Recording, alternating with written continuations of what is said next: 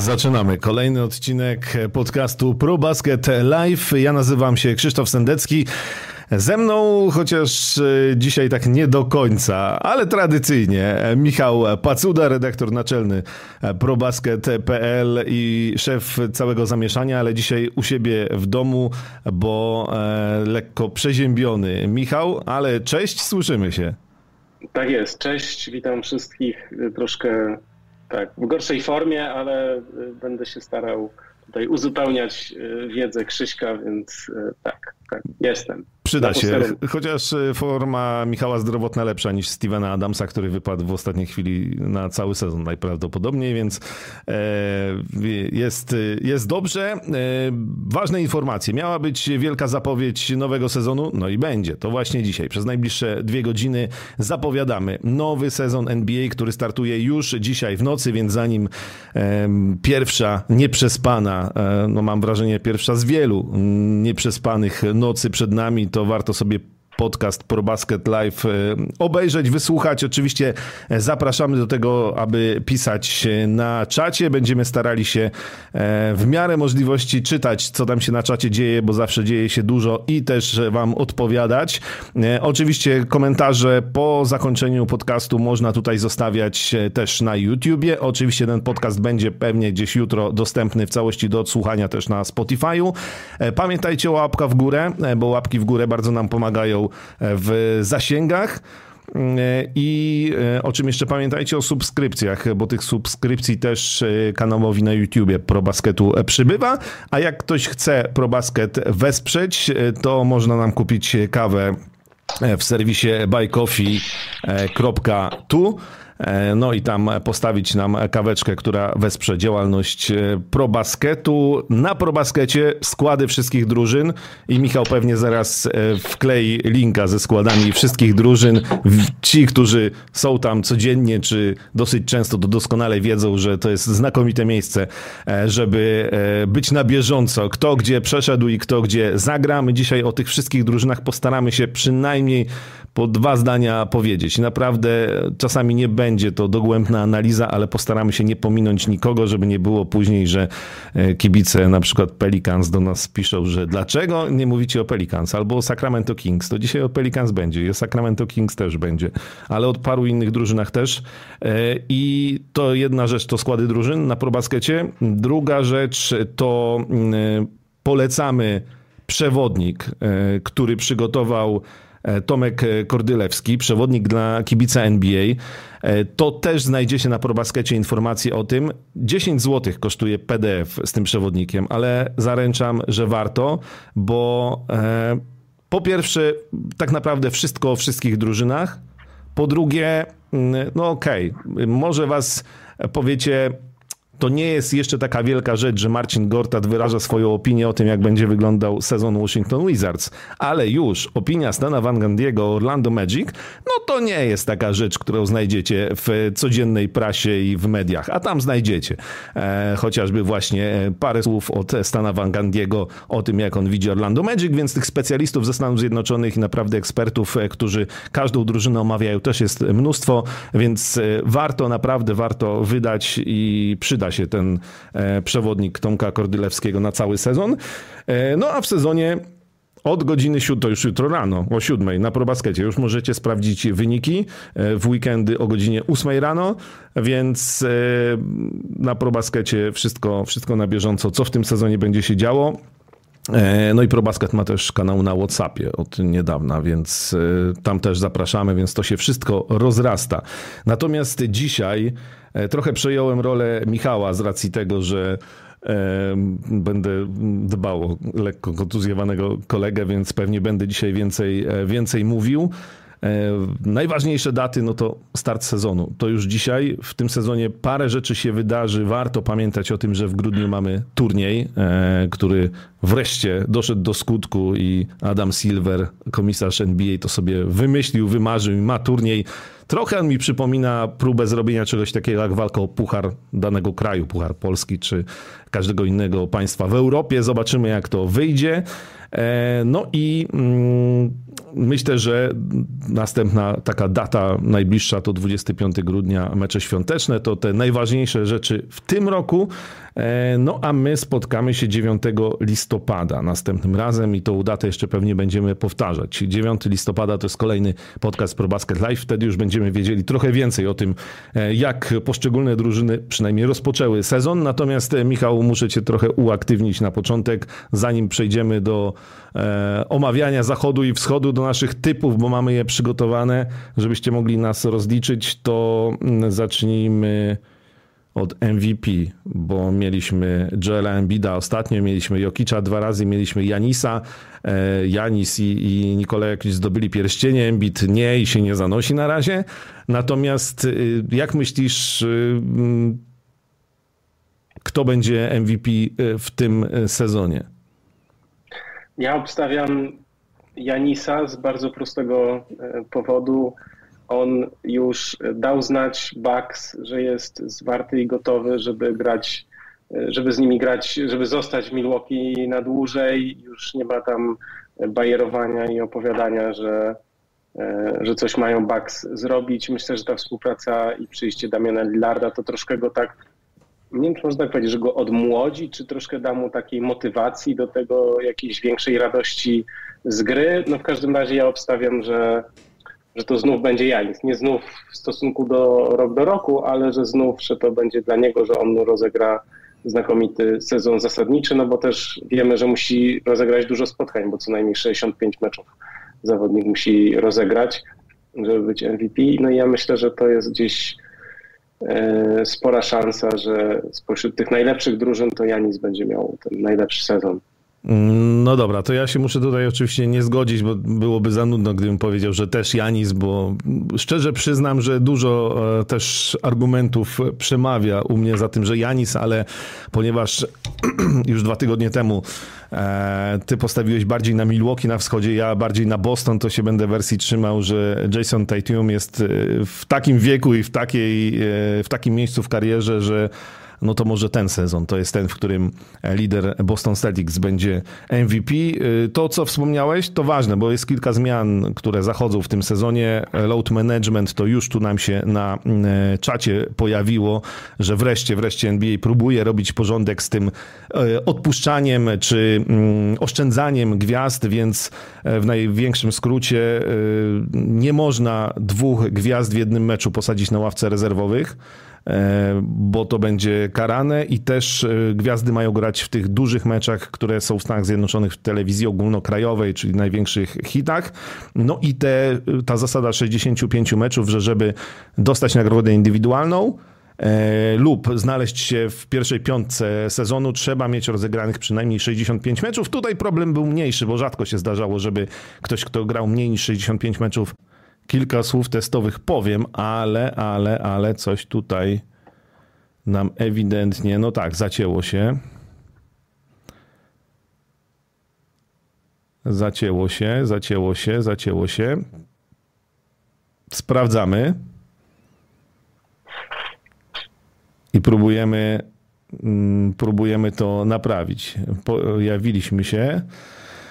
Pytanie, czy jest wszystko ok? Napiszcie na czacie, czy jest wszystko ok. Poza tym, że, że tutaj musimy poustawiać sobie okienka. Już jest, dobrze. No to wracamy i miejmy nadzieję, że już bez problemów i bez zacinania się.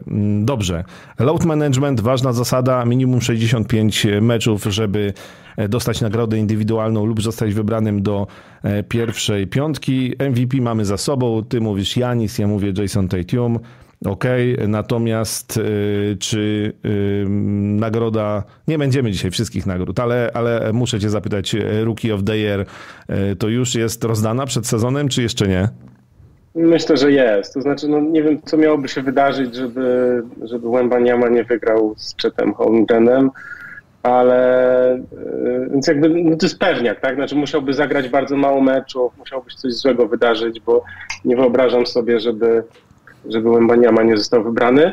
Natomiast jedna jest y, ważna kwestia. Ja się zastanawiam nad jeszcze jedną rzeczą, czy jak on będzie miał na przykład 5 bloków średnio na mecz, to czy, to czy jego nie wybiorą po prostu do nagrody dla najlepszego obrońcy. To, to byłoby ciekawe. No tak, to jest akurat, y, no, gdyby miał pięć bloków na mecz, to myślę, że to byłoby oczywiste, bo to jest już taka statystyka, e, że wow, że trudno nie pójść tą ścieżką. Oczywiście, no wiemy, że zawsze trochę narzekamy, że wybieranie ludzi w stylu, nie wiem, Dwighta Howarda czy Rudiego Goberta w ostatnich latach na obrońcę to najłatwiej, bo najłatwiej dać y, tego wysokiego spodobręczy. Natomiast, natomiast no, myślę, że Wiktor Wembanyama ma taki potencjał, jest tak unikatowy i unikalny, że, że może tak być, chociaż y, ja ci powiem, co się może wydarzyć, y, żeby mm, nie wygrał Rookie of the Year.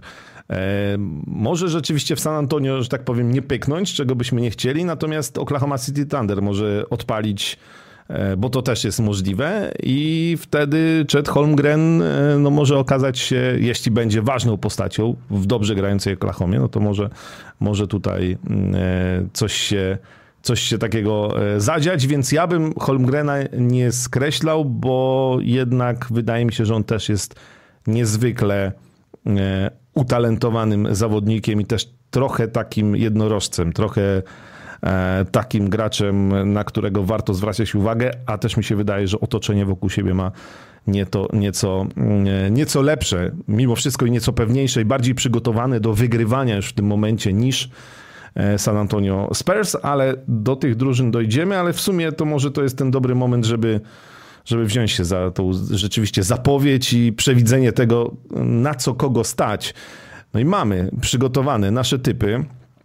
E, więc konferencja... Tak, tylko poczekaj, no. ja mogę jedną rzecz chciałem powiedzieć. Powiedz. E, bo powiedziałeś właśnie o tym kanale mm, na Whatsappie i ja chciałem jeszcze raz zareklamować e, i wrzuciłem link na czat i chciałem coś powiedzieć na ten temat, bo słuchajcie, to jest taka rzecz bardzo ciekawa, że kanał, że WhatsApp wprowadził takie kanały, one są tak zwane jednostronne, to znaczy ta komunikacja jest jednokierunkowa, czyli tylko tylko coś, co autorzy kanału dodają, to tylko jakby y, odbiorcy widzą nie mogą pisać komentarzy. Czyli trochę tak jakby mieć takiego Twittera bez możliwości komentowania.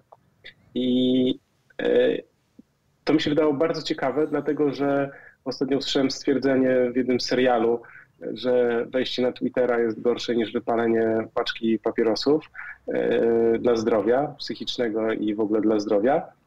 I tak sobie pomyślałem, że to jest naprawdę bardzo ciekawa rzecz i być może to jest w ogóle przyszłość y, takiej komunikacji, czyli odejścia od tego, co to tam kiedyś było Web 2.0 i tak dalej, że jest mnóstwo komentarzy, nie? że ludzie komentują, komentują i tak dalej, że, że jest pewna grupa osób, bo my wiemy też po, po tym, ile osób zostawia komentarza, a ile osób w ogóle nigdy nie zostawiło komentarza, że też jest bardzo duża grupa osób, która chce mieć po prostu komunikaty odnośnie z, no, z, danej, nie wiem, z danej dziedziny, z danego portalu czy coś, natomiast nie chcę widzieć też tej setki tych set, setek czy dziesiątek komentarzy, nie? w sensie takim, że chcę mieć tylko konkretny komunikat, dlatego ja zachęcam do przetestowania tego. Yy, uważam, że komentarze są bardzo fajne i tutaj też się stworzyła taka grupa wśród naszych widzów i za to bardzo dziękujemy, że to przeważnie są y, merytoryczne komentarze, y, że nie ma tutaj jakichś, nie wiem, pisywania głupot czy czy, czy jakiegoś takiego hamstwa i tak dalej, ale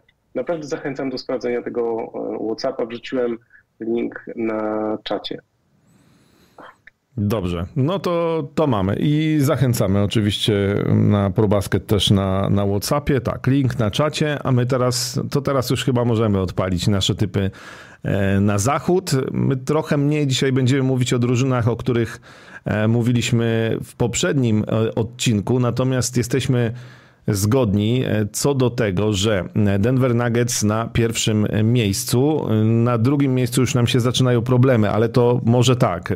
W jednym słowie o Denver Nuggets o nich też wspominaliśmy, że no, obaj postawiliśmy ich na pierwszym miejscu, bo jednak bronią tytułu. Natomiast pamiętajmy, że od czasów Golden State Warriors z Kevinem Durantem 2018 nikomu nie udało się obronić tytułu.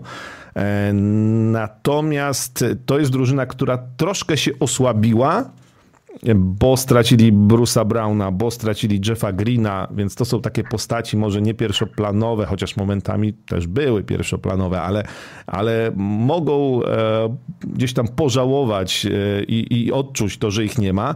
Natomiast oczywiście no, ten, e, ten trzon drużyny się nie zmienił. Oczywiście z Nikolą Jokicem E, balującym i bawiącym się przez całe e, wakacje na czele, ale Nikolaj Jokic jest wciąż e, wyśmienity, fantastyczny, ma wokół mnóstwo znakomitych postaci, no, Jamala Mareya, Michaela Portera Juniora, Arona Gordona i tak dalej, więc, więc oni są teoretycznie trochę słabsi, ale wciąż mocni i no i co, jesteśmy zgodni, że że tutaj trudno mówić o tym, że mimo tych osłabień to przestali być faworytami do tytułu. No nie, chyba, chyba Denver wciąż jest faworytem do tego, e, jednym z głównych faworytów na pewno do tego, żeby, żeby to mistrzostwo zdobyć.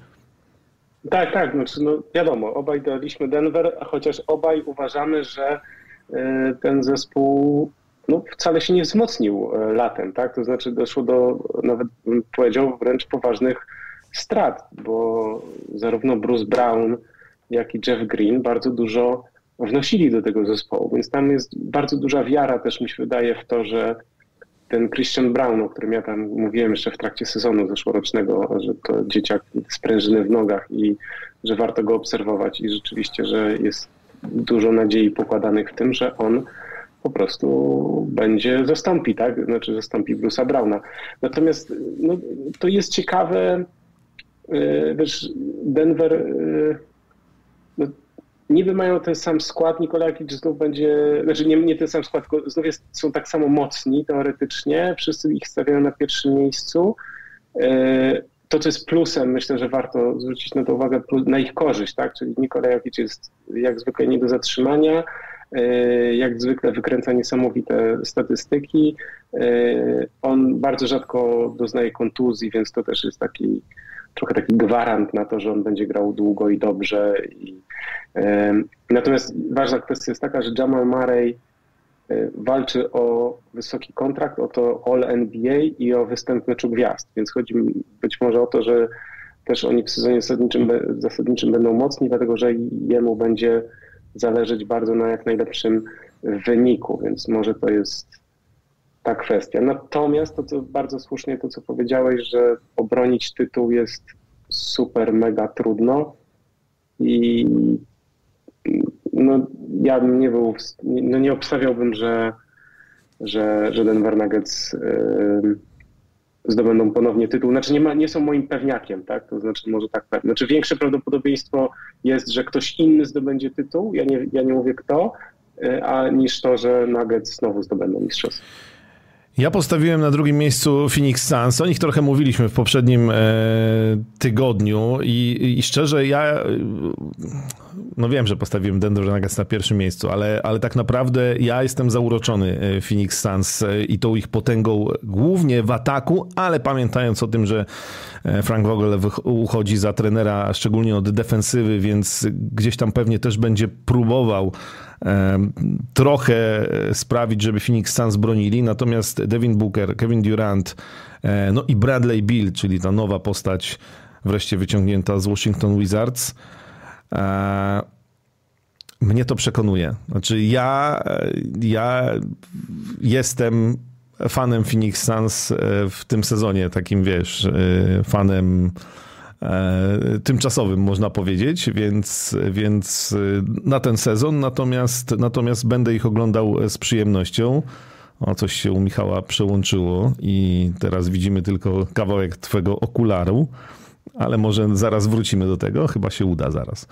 E, no dobra, ale to, to tak, to są takie wstawki gdzieś tam, jak ktoś nas ogląda na YouTubie, to widzi, mm, co się dzieje, bo czasami tu mamy z obrazem problemy, natomiast na, na mm, Spotify'u to już tego nie będzie, więc wróćmy do meritum.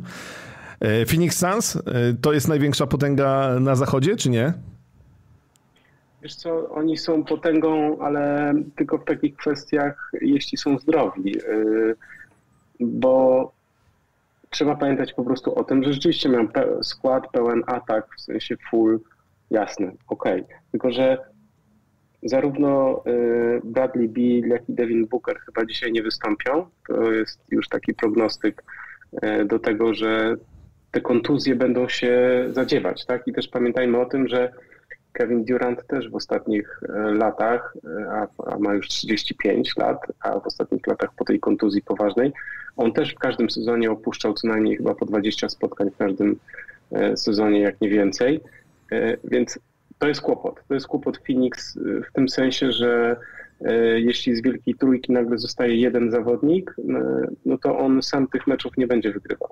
Więc jakby to jest, to jest kłopot Phoenix Suns. Oni na papierze, bo tam na czacie, słuchaj, bo ja odniosę się, bo ja lubię takie wypominajki i pozdrawiam serdecznie osobę, która napisała, że ja rok temu powiedziałem, że Los Angeles Clippers zdobędą mistrzostwo. Ale dlaczego tak powiedziałem? dlatego że Los Angeles Clippers mieli najmocniejszy skład na, na papierze, po prostu. Natomiast potem, co się zadziało, no to widzieliśmy, tak? Więc jakby, zresztą Los Angeles Clippers od dwóch lat mają na papierze mieli, nawet trzech, mieli bardzo mocny skład, natomiast jakby, no jeszcze musi to się wszystko zadziać na boisku. No i tutaj jest właśnie ta, ta kwestia, że, e, że Phoenix Suns muszą być zdrowi. Dlatego ja ich dałem niżej, ja ich dałem e, na, już ci mówię, bo... Na czwartym miejscu. Tak, ja na tak? czwartym miejscu, to tak też tak zwanej promocji trochę, bo nie zdziwiłbym się, jakby nawet nie, nie spadli na szóste. E, no dobra, pamiętajmy o tym, że. Znaczy, ja bym powiedział z drugiej strony, jak tutaj nawet.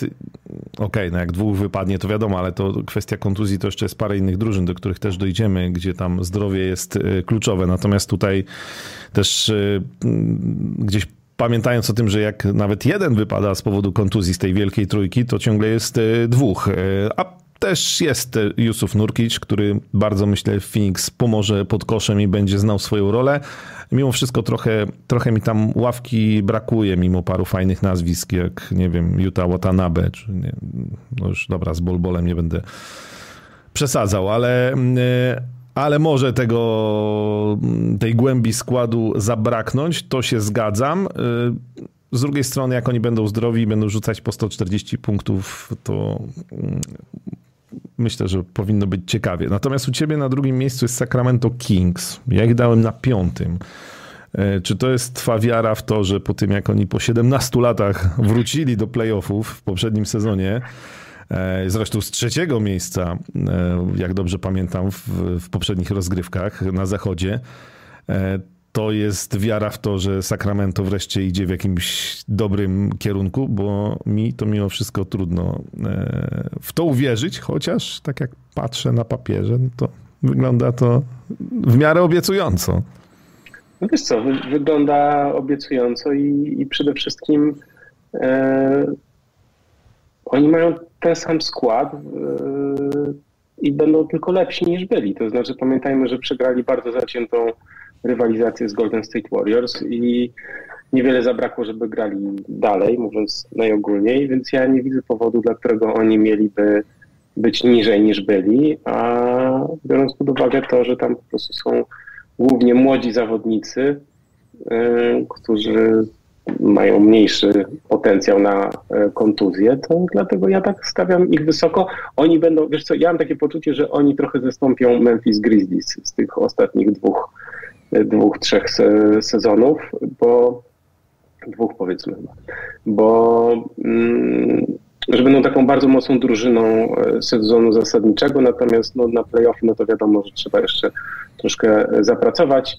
E, natomiast dla mnie ewidentnie, w sensie to nie ma powodów myśleć, żeby to, żeby to, miało, być, żeby to miało być gorzej niż było. O tak powiem. No taka drużyna trochę pod hasłem e, niczego nie zepsujmy, niczego nie zepsujmy, to będzie dobrze. Tam ważne są informacje takie, że Harrison Barnes przedłużył kontrakt, e, kontrakt Domantas Sabonis przedłużył kontrakt, jest też oczywiście De'Aaron Fox, e, a z nowych ludzi ja jestem akurat ciekaw odnośnie Sacramento, jak się spisze Sasza Wazenkow, bo to jest gość E, no, reprezentant Bułgarii, chociaż też y, z greckim obywatelstwem, który przez ostatnie lata grał w Olimpiakosie.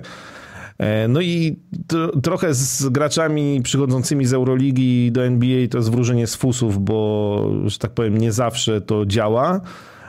Natomiast no tutaj, tak jak czytam opinię, to jest podobno szansa, że on się całkiem nieźle może w ten skład Sacramento Kings wpasować i może być z tego chłopa pożytek, więc E, więc zobaczymy, jak to w tym sezonie Mike Brown wszystko Tak, tak. I, i musimy pamiętać, że tak, że, że bardzo Amerykanie są tacy właśnie nieufni, tak? To znaczy e, no nawet, nawet w stosunku do Luki Doncicia byli nieufni, bo przecież Trey Young poszedł e, z wyższym numerem draftu przecież. Więc jakby musimy pamiętać o tym, że Amerykanie są bardzo właśnie nieufni wobec zawodników z Europy, natomiast no potem się okazuje, że przychodzi jakiś gość i, i szybko, i szybko udowadnia, że jest naprawdę dobry. No a Wezenkow no, podobno był bardzo dobry. Jakby ja nie śledzę niestety na co dzień Euroligi, bo nie mam na to czasu i przestrzeni, ale z tego co tam gdzieś i słyszałem i gdzieś tam się obiło o uszy i oczy, no to no to gość potrafi grać. No więc jakby nie zdziwię się, jak się szybko odnajdzie, o tak powiem, w NBA. Bo pamiętaj też o jednej podstawowej rzeczy, że dla wielu zawodników NBA jest teoretycznie łatwiejsza do takiego grania indywidualnego niż Euroliga, bo jest nie tylko większe boisko, ale też jakby no przez ten przepis o, o obronie, tak, więc jakby o braku tej obrony w polu trzech sekund, więc jakby to, to znaczy dla niektórych zawodników to może być e, uwolnienie potencjału, o tak może, może to tak powiem. E, na trzecim miejscu u mnie Los Angeles Lakers, u ciebie Golden State Warriors. I to są drużyny, o których warto porozmawiać. I teraz to jest doskonały moment, bo tu nam się też na czacie pojawia, że coś mało kciuków w górę, więc my e, prosimy o te e, kciuki, dajcie, bo oczywiście Lakers, ale Golden State Warriors w ostatnich latach też dorobili się sporej grupy fanów, także w Polsce Lakers, no to wiadomo, że drużyna e, bardzo, bardzo popularna i budząca emocje.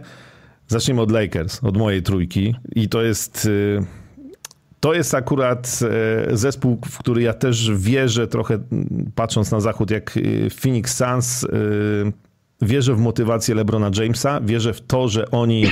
Im się właściwie okienko letnie transferowe zaczęło zimą, bo, bo wiadomo, że ci Lakers w poprzednim sezonie się przebudowali i uratowali sezon i koniec końców skończyli go nieźle, bo w finale konferencji.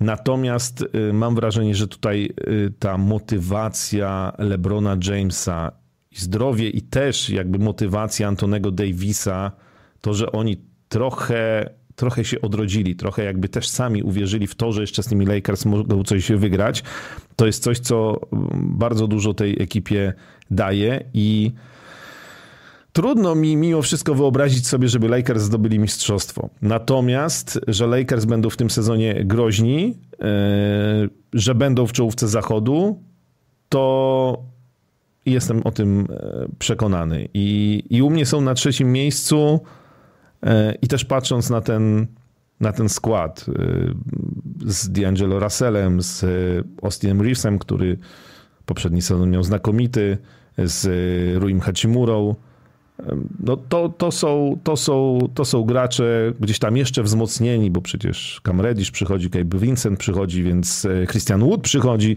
e, więc ci Lakers są teoretycznie jeszcze mocniejsi niż byli w tej drugiej części poprzedniego, e, poprzedniego sezonu. No i to jest takie moje uzasadnienie, mimo że LeBron ma 39 lat w tym roku skończy, w tam bodajże dzień przed Sylwestrem. Tak, no wiesz co, ja tak sobie myślę, bo ja oczywiście wiesz, zastosuję tak zwany specjalny unik tutaj e, starego cwaniaka. Ja wypełniałem to wszystko mając gorączkę, więc wszystkiego się wypieram. E, wszystko było podczas majaczenia i ogólnie e, nie wiem, co robiłem. Jak teraz o tym myślę, to dałbym Lakers rzeczywiście na trzecim miejscu, a Warriors na czwartym, a Phoenix na piątym. Ale to nieważne, w sensie dlaczego tak, ale dlaczego to mówię? Dlatego, że rzeczywiście jak tak pomyślałem jeszcze o tym składzie, to ten skład jest po prostu dużo dłuższy, dużo dłuższa ławka i ci zawodnicy są wartościowi. Gabe Vincent grał bardzo dobrze w Miami, ale to też będzie musiał udowodnić, czy to nie był taki mm, jedno, czy to nie był jednorazowy wystrzał, to znaczy, czy to nie jest zawodnik jednego sezonu, bo też mamy tak czasem, takie są historie, e, no, często się one zdarzają, praktycznie co roku się jak zdarzają takie właśnie, że są tacy zawodnicy, którzy gdzieś grają jeden sezon bardzo dobry, albo właśnie grają dobrze w playoffach, a potem wcale tak już nie potrafią utrzymać tej takiej bardzo wysokiej formy i Gabe Vincent na pewno będzie musiał to udowodnić, że nie jest takim właśnie zawodnikiem jednego sezonu. Ja jestem dużym fanem Kama Redisha i pamiętam go jeszcze sprzed kilku sezonów. Ten potencjał tam jest naprawdę bardzo duży u niego nadal, myślę, i bardzo fajnie, że w Lakers dostanie szansę. Torin Prince to jest bardzo dobry zawodnik, jeśli chodzi o, o defensywę.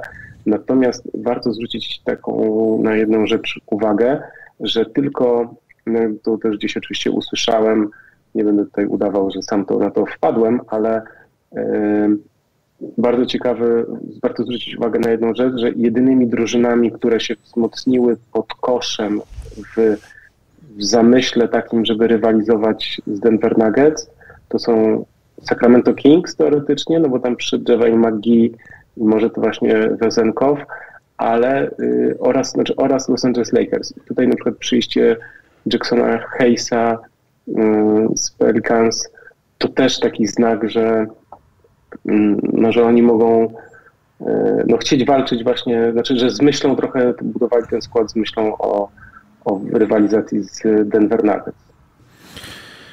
No za to, słuchaj, Golden State Warriors wzmocnili się dla odmiany Chrisem Polem, więc zupełnie nie podkoszowym zawodnikiem. E, tak, jakoś chciałem znaleźć przejście do, do Golden State Warriors, ale może też dobrym przejściem jest komentarz Bartosza Trojanowskiego. Fajnie byłoby poruszyć temat i tak sobie myślę, że to taki temat na, na, na kiedyś też dobry, no już nie na dzisiaj. E, coraz większych pieniędzy w NBA i pokolenia graczy, którzy zadawalają się pierwszym dużym kontraktem, później już nie przykładając się lub gubiąc motywację. Temat rzeka, ale myślę, że jakoś tam wpisuje się w ten temat Jordan Poole, który mm, z Golden State Warriors odszedł po fantastycznym tym sezonie, w którym oni zdobyli mistrzostwo, kiedy zastąpił właściwie Kleja Thompsona. E, natomiast poprzedni sezon dużo słabszy po podpisaniu wielkiego kontraktu. W Golden State Warriors mam wrażenie, oni długo chcieli iść takimi dwoma drogami. E, znaczy jednocześnie walczymy o mistrzostwo. Mamy Stefa Kerego, mamy Claya Thompsona, mamy Draymonda Greena, mamy tą drużynę, dynastię, tą mistrzowską. A przy okazji równocześnie E, rozwijamy młodych i szykujemy już następstwo, szykujemy kolejnych graczy. Ten Jordan Poole był jednym z tych zawodników, którzy mieli już za chwilę jakby płynnie przejąć e, schedę po, po, po Thompsonie, Stefie Kerem i tak dalej e, żeby nie było tego czasu na przebudowę, tankowanie, drafty i tak dalej. To się nie udało, bo to chyba możemy powiedzieć, bo to kogo byśmy tam nie wymienili, czy tam jeszcze, nie wiem, Weissman był, czy, czy nawet Kuminga i tak dalej. I, i przede wszystkim jakby Jordan Poole jest takim najlepszym przykładem, to myślę, że w Golden State Warriors e, teraz stwierdzili, dobra, tych młodych to, to trochę odpuszczamy, Jordana Pula oddajemy, nie wierzymy, że tu się, e, że wróci ten chłopak do tego, co było dwa sezony temu. I, e, no i co? I mamy Stefa Kerego, przedłużamy kontrakt z Draymondem Greenem, mamy Kleja e, Thompsona, do tego Chris Paul, to też pytanie z Chrisem Polem, bo on ma ostatni wielki kontrakt, ale ostatni rok tego kontraktu, więc to oni w tym sezonie dużo zapłacą, ale w następnym już może się okazać, że Chris Paul nie jest potrzebny, ma w końcu 38 lat. E, no i, no i mam wrażenie, że trochę, trochę Golden State Warriors są w takim e, rozkroku. Znaczy, ja nie do końca jestem przekonany. Wydaje mi się, że już ta drużyna z Stephem Kerrym ok, ale Clayem Thompsonem to już niekoniecznie jest w stanie zdobyć jeszcze jedno mistrzostwo. Tej drugiej drogi jednak chyba nie ma, jakby takiej płynnej wymiany na młodych. No i takie czwarte miejsce u mnie, u ciebie trzecie, ale w gorączce, więc już trochę spadli. E, to to jest chyba tak idealny moment, że jeszcze są ciągle trochę mocni, ale, ale właściwie ku czemu to zmierza? To jest, to jest takie pytanie. Ja nie do końca wiem, w którym kierunku w tej chwili idą Golden State Warriors. No tak, znaczy oni idą, e, wiesz, poczekaj, bo odpalę sobie salary cap, żeby widzieć tutaj, przepraszam. E, tak, no, oni idą w jeden jakby podstawowy, najważniejszy zamysł taki, że musimy to zrobić teraz, e, dla Stefa i to jest jakby ten jedyny czas, żeby wykorzystać jeszcze to okienko, kiedy Stef jest w bardzo wysokiej formie. On ma, przypomnijmy, 35 lat i jeszcze, ojej, jeszcze trzy, trzy sezony ma e, gwarantowanych kontraktów. To jest 52, 50, prawie 6 i prawie 60 milionów, więc oni po prostu muszą zrobić wszystko, co mogą, żeby ten zespół był jak najmocniejszy w tej chwili. E, ważna kwestia jest taka, że za rok się kończy Klejowi umowa i z tego, co chyba widziałem, to Warriors nie chcą mu zaproponować e, nowej wielkiej e, umowy. Oni też tam mają innych zawodników popodpisywanych na bardzo duże kwoty, to znaczy tam Andrew Wiggins jest i Draymond Green też ma niemałe pieniądze, więc to jest problem Warriors jest taki, że oni mają też właśnie bardzo wysokie e, koszty, że tak to funkcjonowania, czyli ten payroll, e, a nowe przepisy mówią o tym, że za chwilę już nie będzie można po prostu, tak jak oni wcześniej sobie płacili ten podatek od luksusu i mieli wszystko głęboko gdzieś w poważaniu, tylko e, wysokie, wysokie e, pensje zawodników będą i no, gdzieś tam w jakiś sposób ograniczały ich możliwości, tak? To znaczy nie będą mogli dokonać jakiegoś transferu, e, no będą mieli po prostu, mówiąc najogólniej, u, utrudnione e, funkcjonowanie. Więc moim zdaniem, żeby nie, nie przedłużać o Golden State Warriors, to oni po prostu chcą zrobić wszystko, co w ich mocy, żeby teraz jak najszybciej jeszcze Stefowi dać zespół, który gdzieś jest w stanie walczyć o najwyższe cele. Moim zdaniem e, Jordan Poole wyleciał, bo po prostu e, znaczy pozbyto się go, bo Draymond Green nie mógł go znieść, ale on też był ogólnie chyba trudny do zniesienia dla innych zawodników gdzieś tam. To słyszałem też takie tutaj gdzieś takie e, ploteczki. Musimy powiedzieć jeszcze jedną ważną rzecz odnośnie Warriors, bo tam jest być może za chwilę nasz drugi człowiek w NBA, czyli Brandon pod, Podziemski, bo to jest chłopak, który ma polskie korzenie i który stara się o to, żeby mieć polski e, paszport i być może e, będzie grał w reprezentacji Polski razem z Jeremim Sochanem. Tak jest, 19 numer e, draftu i no, chłopak, który się tam przebił. Ciekawe, jak, jak to w sezonie zasadniczym będzie wyglądało w jego przypadku, a rzeczywiście no, może się tak wydarzyć, że w przyszłym roku w reprezentacji Polski będziemy mieli dwóch graczy z NBA. No i e, no i cóż, i będziemy się z tego na pewno, na pewno cieszyć. Był tutaj taki wpis, on mi gdzieś się zgubił, ale był na czacie, że po kontuzji Stevena Adamsa za wysoko typujemy Memphis Grizzlies. Chyba bardziej ja niż ty, bo ty dałeś ich na ósmym miejscu, ja na szóstym. Natomiast... Ale ty typowałeś, ale ty typowałeś, e, wysłałeś mi przed tą informacją, tak? Ja tak, trochę się, tak, trochę się będziemy tłumaczyć, że a, tutaj jest jeszcze ten e, żarcik, sorry, że wrócę, przepraszam, e, bo mi się spodobał. Nieziemski, Brandin Podziemski, Nieziemski. Więc czekamy na Nieziemskiego w reprezentacji Polski. Natomiast, natomiast oczywiście jest to ogromne, ogromne osłabienie. Kontuzja Stevena Adamsa i tak naprawdę najprawdopodobniej cały sezon straci. Natomiast Memphis Grizzlies jest taki problem, że trochę trudno na razie przewidzieć, co się wydarzy, bo oni trafili Markusa Smarta, który na początku sezonu będzie pewnie pierwszym rozgrywającym e, w Grizzlies. E, no jest jeszcze Derrick Rose tam też przyszedł, który chyba w rolę takiego weterana się wcieli dla tego, o którym zaraz powiemy pewnie więcej.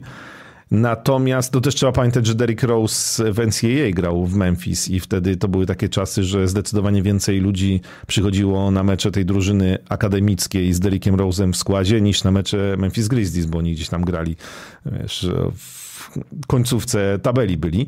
Natomiast, no oczywiście po Rosie się już nie spodziewam wielkich rzeczy. Swoją drogą gratulujemy, bo on się w wakacje ożenił, a ślubu udzielał mu Joachim Noah, więc to jest, wiesz, to, to też jest takie fajne, bo to, to są rzeczy, których gdzieś tam pewnie nie śledzisz i ja nie śledzę i w ogóle nie śledzimy, natomiast po paru latach ci wychodzi, że kurde, jak Joachim Noah udziela ślubu no jakby cywilnego, tak, no ale jakby prowadzi tą ceremonię Derika, na ślubie Derika Rose'a, no to to jest fajne, że oni w tym Chicago gdzieś tam razem grali, do dzisiaj mają kontakt, są kumplami. No i oczywiście Derrick Rose no nie jest gościem, który na, na Instagram rzuca codziennie zdjęcia, tylko raczej chowa się przed mediami. Więc to tak e, poza wszystkim to wywołało w wakacje mój taki szeroki uśmiech, jak zobaczyłem te zdjęcia ze ślubu e, Derricka Rose'a. No ale do meritum. Memphis Grizzlies to jest przede wszystkim drużyna, która czeka na Jamoranta. E, nie wiem w jakim stanie psychicznym i fizycznym. 25 meczów jeszcze zawieszenia, czyli całkiem sporo. Natomiast no właśnie, jak Jamorant wróci, to co? To nie wiem, czy to będzie takie proste, że oni wrócą, szczególnie bez Stevena Adamsa, no ale czy oni wrócą do poziomu drużyny, którą byli przed wybrykami, nazwijmy to gangsterskimi, czy pseudo-gangsterskimi Jamoranta? Czy będzie to dłuższy powrót? Na ile ten Markus Smart będzie tam ważny, będzie znowu duszą i spajaczem szatni? Dużo pytań z Memphis Grizzlies związanych i jeszcze, jeszcze więcej się pojawiło właśnie po, po kontuzji Stevena Adamsa. Tak, no jeszcze musimy pamiętać, że Jaren Jackson Jr., który tam wiesz, jest, mówi się, że no znakomity obrońca, jak on jest super i tak dalej, tylko kurczę, gość nie trzyma ciśnienia i łapie e, wiesz, 6 fauli w 20 minut, no albo ma, nie wiem, 3 faule w 3 minuty i jakby tak się trochę nie da grać, jak on ma być tam podstawowym zawodnikiem, jeśli chodzi o e, grę pod koszem. No nie, ja jakby mam też bardzo mieszane uczucia, bo tam chyba Brandon Clark też jest chyba kontuzjowany, więc jakby tam pod koszem jest dziura, to jest raz, a dwa, że Moran też no ma, no miał duże problemy i jakby on, on, on z nich nie wyszedł jeszcze, tak? To znaczy musimy o tym pamiętać, że to jest najważniejsza kwestia, że on jeszcze z tych problemów nie wyszedł, więc jakby jest dużo znaków zapytania, dlatego i u mnie, i u ciebie e, ten zespół jest nisko po prostu. E, natomiast jeszcze mm, jakby na koniec Memphis Grizzlies, tak wątek finansowy, który nam się tu przewijał. Desmond Bain dostał pięcioletni kontrakt za 207 milionów dolarów i jak z całym, z całym szacunkiem dla Baina, jak pojawia się taka suma przy jego nazwisku, to przy nazwisku takiego gracza, tak, no to jednak ja mam trochę wątpliwości, czy NBA nie idzie w złą stronę, natomiast okej, okay, może jest wart tych pieniędzy zdaniem władz Memphis y, Grizzlies. E, natomiast pytanie mam do ciebie, jakich pieniędzy wart jest y, Kyrie Irving? I tak sobie przejdziemy do, szybciutko do Dallas Mavericks, którym nie wiem, czy poświęcimy dużo czasu, chyba nie, bo ja mam wrażenie, że to tak dodajmy, 3 lata 126 milionów dolarów, to jest umowa Kairiego Irvinga. Jest Luka Doncic. E, no i mam wrażenie, że to tyle. I, I na tym się kończy Dallas Mavericks.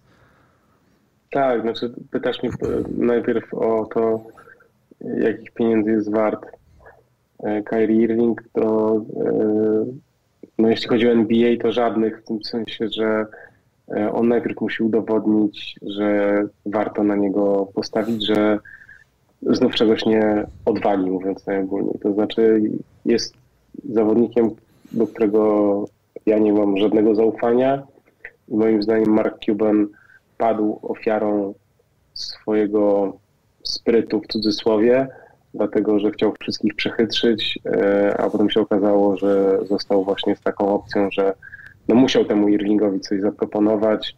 Jakby mu zaproponował mniej, to by się Irving obraził, więc trzeba było mu zaproponować jakąś dużą kwotę. E, ja w ogóle no, nie wierzę, że to, ma, że to wyjdzie. E, I też to, to co powiedziałeś, że Dallas mają po prostu słaby skład.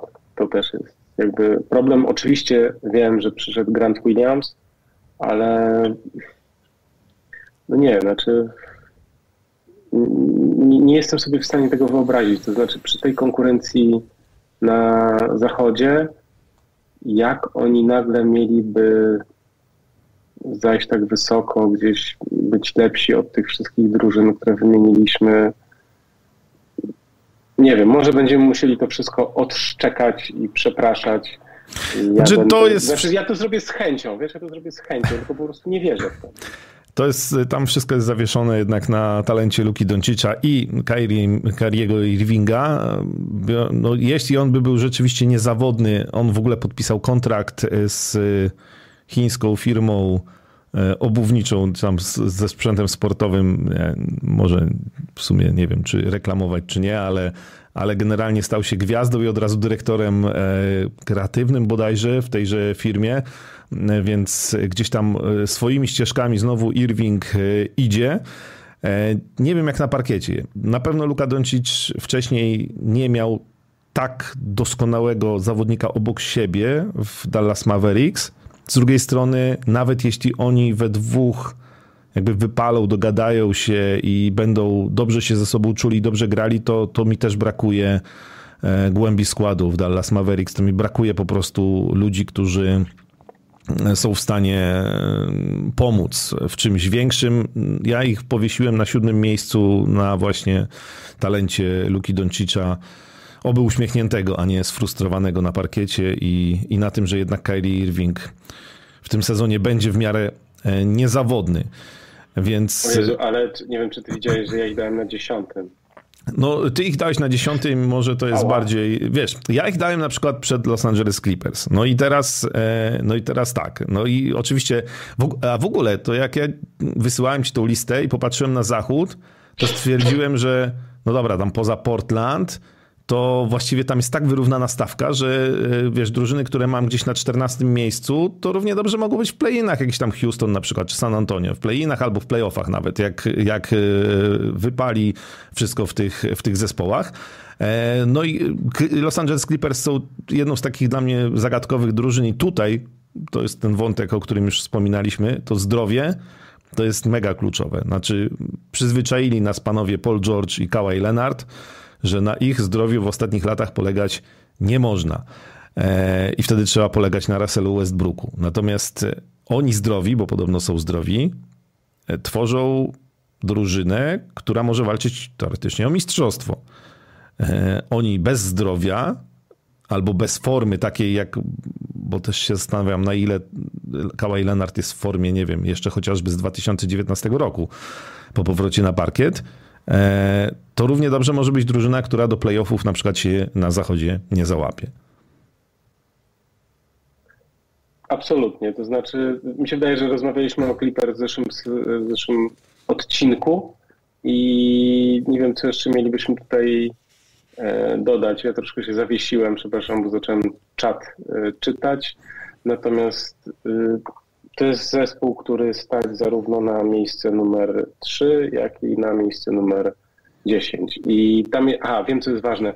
Tam jest ważna kwestia taka, że właściciel Steve Ballmer nie może, teoretycznie nie może, ale ja uważam, że może. No ale to już jakby jego wybór. On się boi tego, że za rok, jak się będzie przeprowadzał do nowej hali, to nie będzie miał gwiazd. Jak nie przedłuży z Polem George'em i z Kawhi'em Leonardem E, umowy, to umów, to wtedy nie będzie już gwiazd, no a wiesz, nie przyciągnie kibiców do nowej hali bez, e, bez gwiazd. I tam jest jeszcze kwestia taka, że oni za Pola George'a jeszcze wiszą jakieś piki w drafcie i tak dalej, więc oni nie mogą teoretycznie włączyć tego trybu e, przebudowy. Natomiast ja to bym trochę wiesz, 4 lata to, 4, przez 4 lata to nie wypaliło. Czy to wypali przez piątym roku?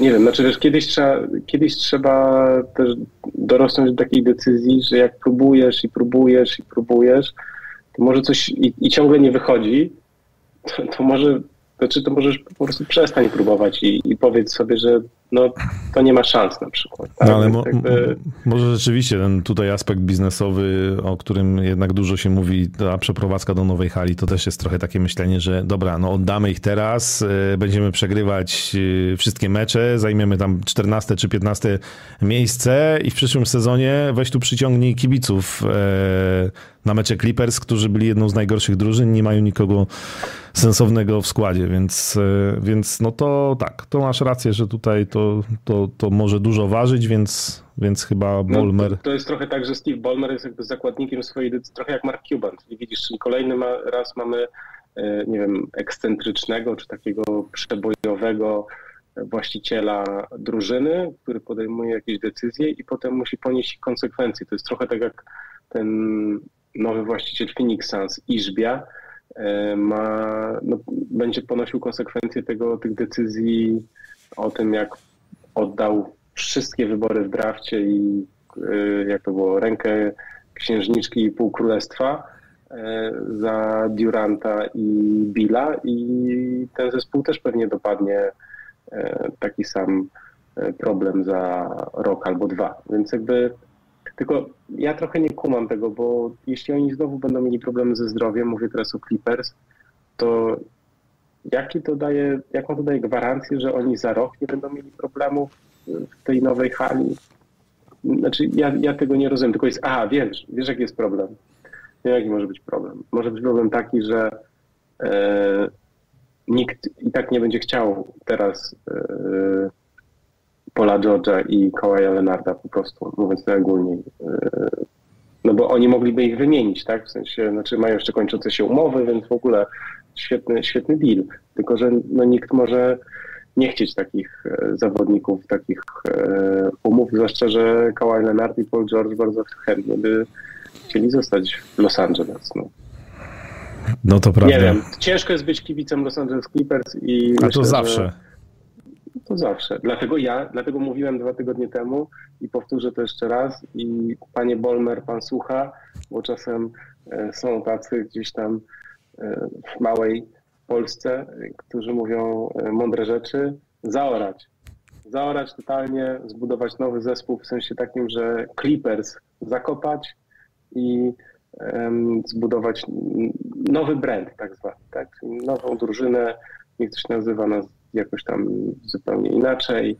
I trochę jak Brooklyn Nets, że Brooklyn Nets, cały rebranding poszedł i już nie pamiętamy o tym, że Brooklyn, że New Jersey Nets to była jedna z, nie wiem, z najgorszych, najsłabszych e, drużyn w NBA. Oni mają zupełnie inny wizerunek, na pewno nie mają takiego wizerunku, wiesz, największych ostatnich szmaciarzy, mówiąc tak jest, no i tak, tak, tak. To, to akurat się zgadza. Dałeś wysoko Oklahoma City Thunder, ja nisko i teraz tak znowu, teraz ja gorączki co prawda nie miałem, ale, ale, ale OKC to jest taka drużyna, która, którą teraz jak sobie patrzę na tą moją listę, to bym gdzieś tam przesunął może trochę wyżej. To jest na pewno drużyna e, ciągle dzieciaków, ale już z coraz większym doświadczeniem. To jest ciągle drużyna, która ma w perspektywie jeszcze zbierane przez lata wybory w drafcie dosyć wysoko.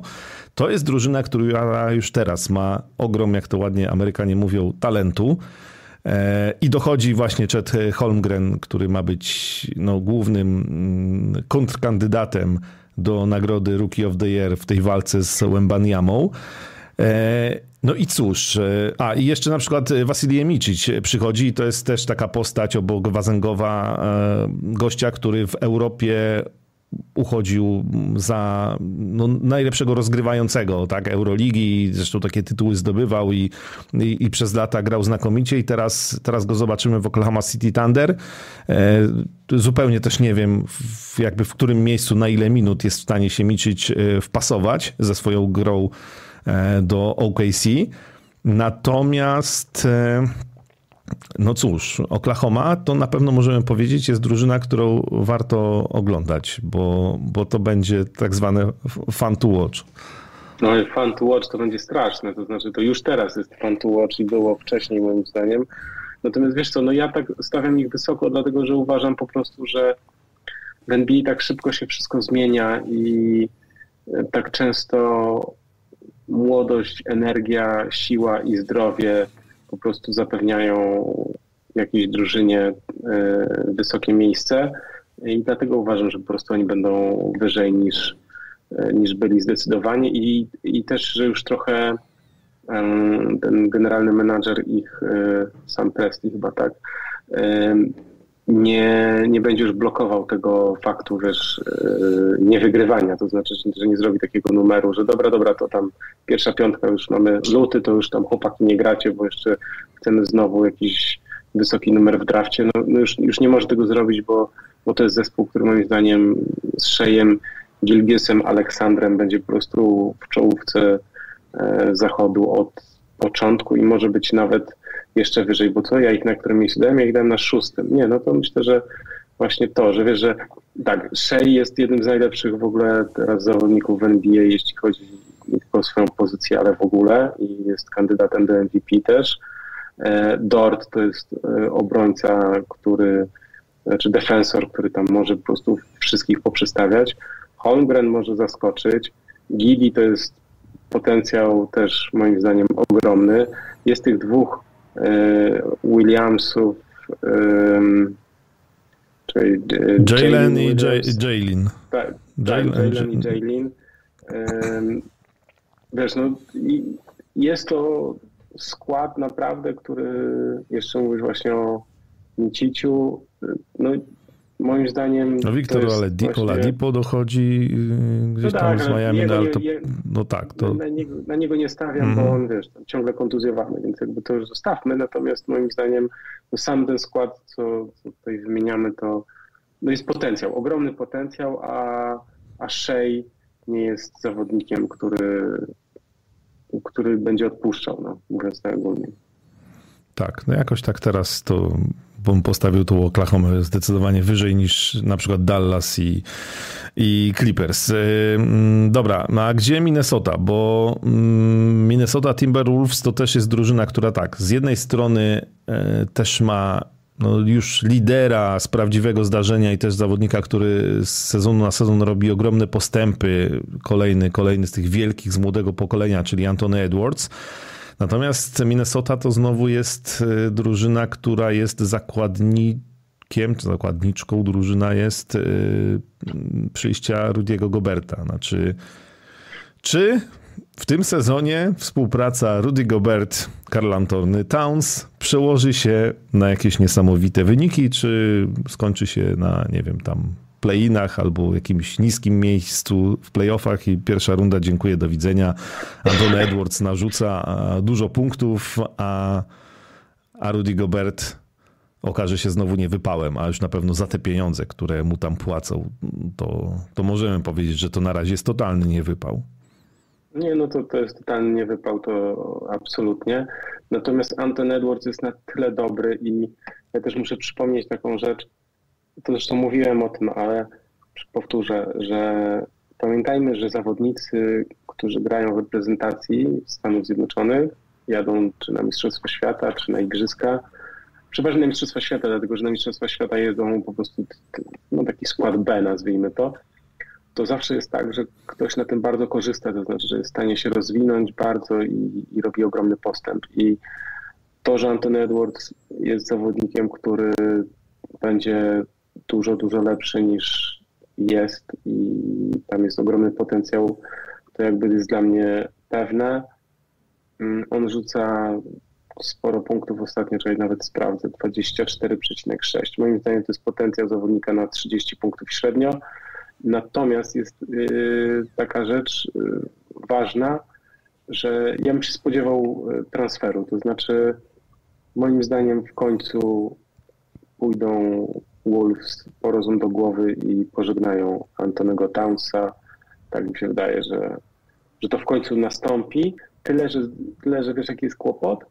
Że Nowy Jork, który teoretycznie mógł być zainteresowany Townsem, E, chyba już szykuje się na, na Joela Embida, więc e, już może być kłopot w sensie takim e, w, tej, w tym transferze, który pewnie jeszcze rok temu by doszedł do skutku, natomiast teraz może być tak, że Knicks powiedzą, że no sorry, no nie, nie, już teraz to nie, bo my teraz już się tutaj nastawiamy na Embida, więc jakby Minnesota, wiesz co, jeszcze tylko tak jakby podsumowując, Minnesota z Edwardsem e, tak, będą na pewno, znaczy nie powinni być niżej niż właśnie, nie wiem, dziesiąte miejsce czy coś takiego, że to jest drużyna, która znów będzie walczyć o, o te najwyższe, znaczy o najwyższe, znaczy o playoffy. Ja ich dałem na siódmym miejscu, ty ich dałeś na dziewiątym.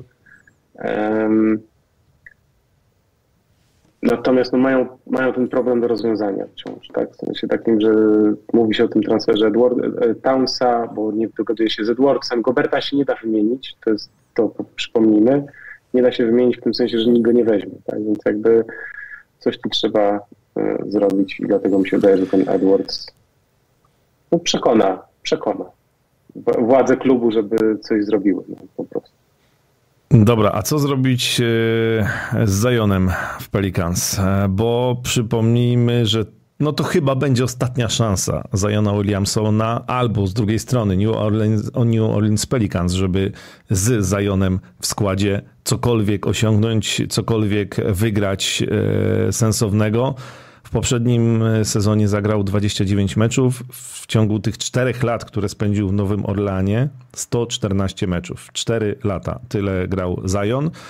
E, no i jak tu budować drużynę wokół e, kogoś takiego i jak tu cokolwiek e, planować? No bo no nie wygląda to niestety za dobrze i też ja optymistą przed tym sezonem e, nie jestem. Jakbym nie był zapewniany, że Zion to w tym sezonie to już będzie zdrowy i w ogóle super. Tak, no to jest problem, o, o którym jakby mówiliśmy od początku, tak? To znaczy znów trochę wybierając go w drafcie jest się zakładnikiem swojej decyzji, nie, nie, nie decyzji, tylko o, o, okazji, tak? W tym sensie, że wiele osób mówi, że no ale zobaczcie, że kontuzję miał, przecież on nawet nie, nie był w stanie rozegrać e, przed NBA całych sezonów, tak? Czy w szkole średniej, czy tam potem jak grał na uniwersytecie, więc e, on miał od początku problemy z, ze zdrowiem, to pamiętamy, natomiast no, jak masz taki potencjał, no to musisz wziąć i spróbować. Ja sobie gdzieś przygotowałem też taką notatkę o tym, że e, czekaj, bo to było tak, dobra, mam, że właśnie w przypadku Pelicans, że e, po transferze McCalluma ta wielka trójka ich niby, czyli CJ McCallum, Brandon Ingram i Zion Williamson, że, Williamson, że oni zagrali razem 172 minuty, co jest po prostu no też dramatem, tak, bo to jest okrutnie mało. I e, Pelicans są w bardzo trudnej sytuacji, Brandon Ingram miał fatalne lato, w sensie nie zagrał dobrze na mistrzostwach, więc też e, pytanie w jakiej on będzie e, formie. No i dlatego myślę, że są tak nisko, bo po prostu nikt, znaczy ani ja, ani ty nie wierzymy w to, że, mm, że ten zespół jest w stanie być znów bardzo wysoko, zwłaszcza, że musimy pamiętać o tym, że, może przepraszam, że, że ten zespół był wysoko, ale właśnie przez swoje problemy y, z kontuzjami spadł z bardzo wysokiego miejsca, bo oni w styczniu, jeszcze na początku stycznia, oni zajmowali ich drugie miejsce, jeśli ja dobrze pamiętam. A potem spadli totalnie, nawet przecież nie, nie zagrali w y, playoffach ani w playinach chyba, tak? Czy w playinach grali? Nieważne. Zostawmy. W każdym razie spadli. Słabo pamiętam, czyli, czyli nie ma czego pamiętać.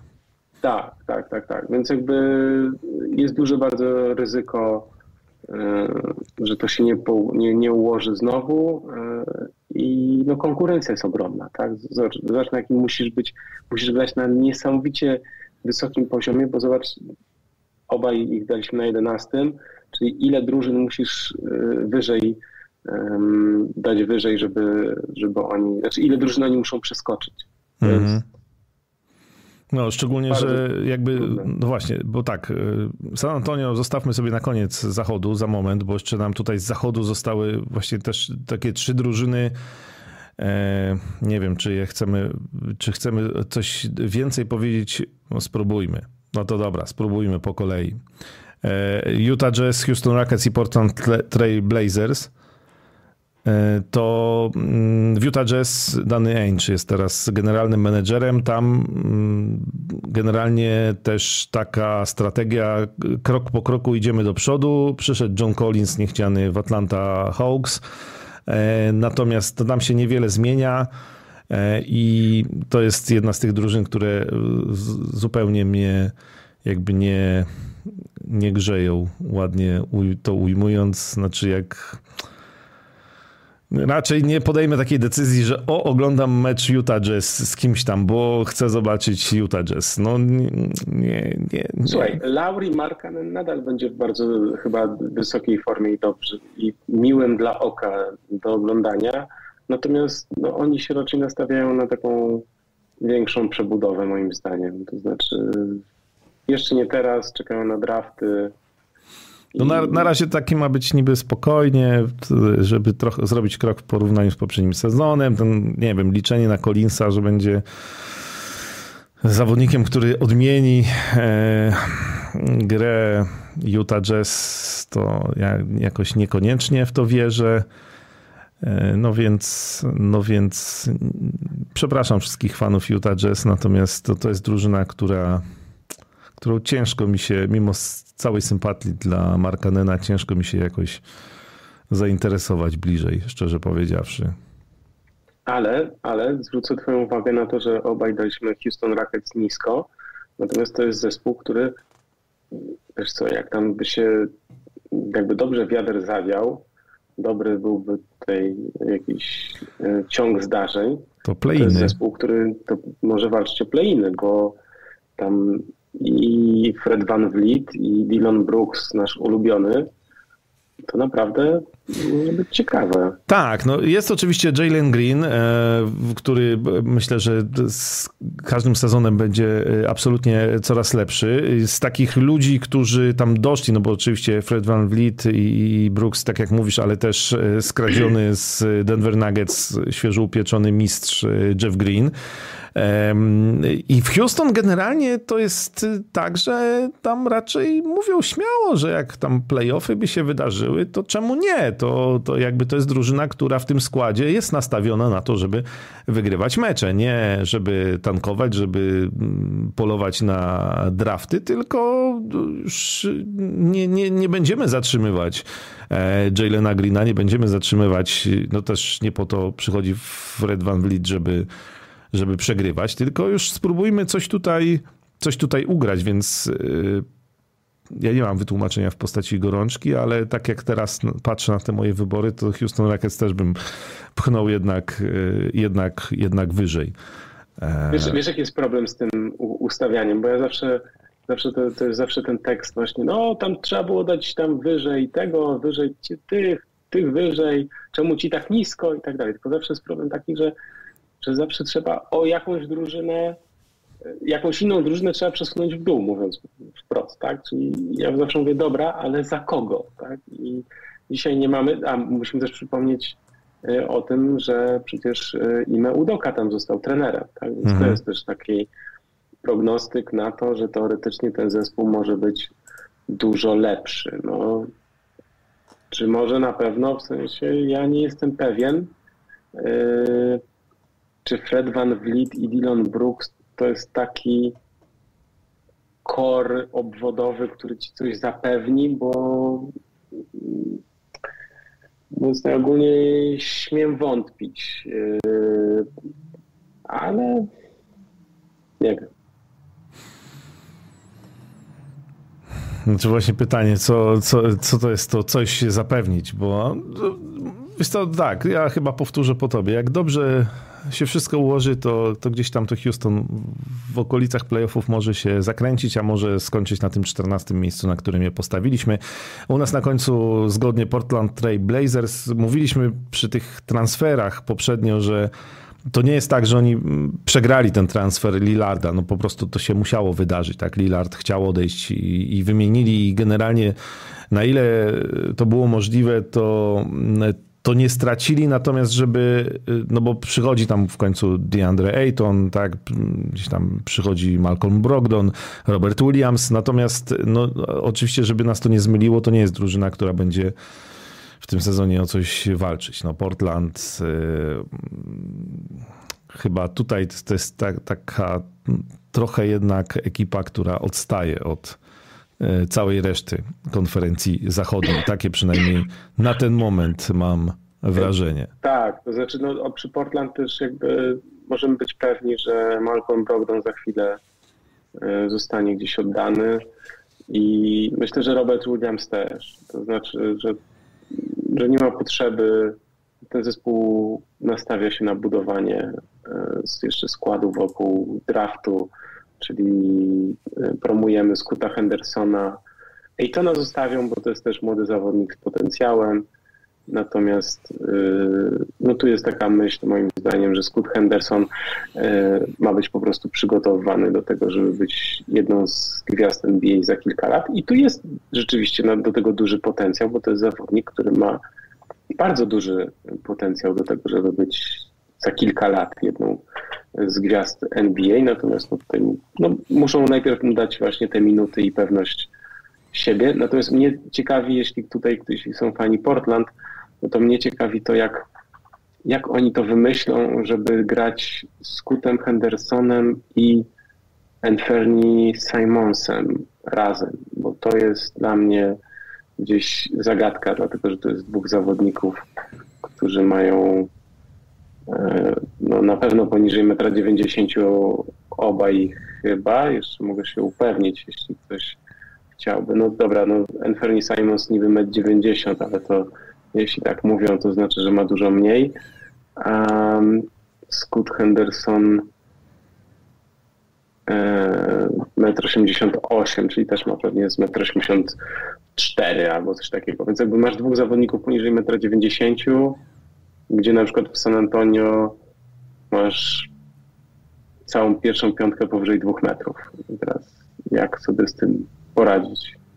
To jest pytanie. No, widać, że Arszawin 00 jest fanem e, Portland Trail Blazers po, po tym, co tutaj nam e, pisze i że McCallum grał z Lillardem w Portland z powodzeniem. Będzie trudno. Mimo wszystko ja się zgadzam, że Portland będzie, będzie trudno. Natomiast kończąc wątek zachodu, zostawiliśmy sobie San Antonio Spurs na koniec.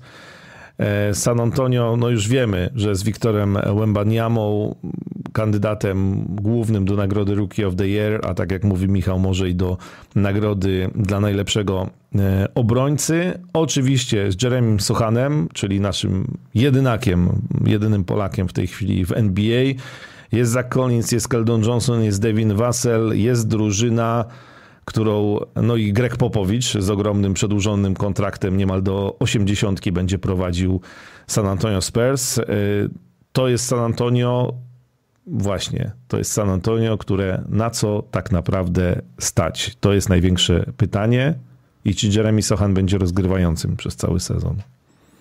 No, przez cały sezon to nie wiem, ale na pewno na początku y, będzie i wydaje mi się, że że może być przez cały sezon, dlatego że to może po prostu wypalić. Pomysł jest taki, że e, znaczy na początek, poczekaj, ja zwrócę na jedną rzecz uwagę. E, na to, że oni mieli możliwość e, pozyskania kilku weteranów, natomiast ich oddali albo nie chcieli, czyli Cameron Payne nie został w tej drużynie, mimo że mógł zostać, i tak samo Reggie Bullock.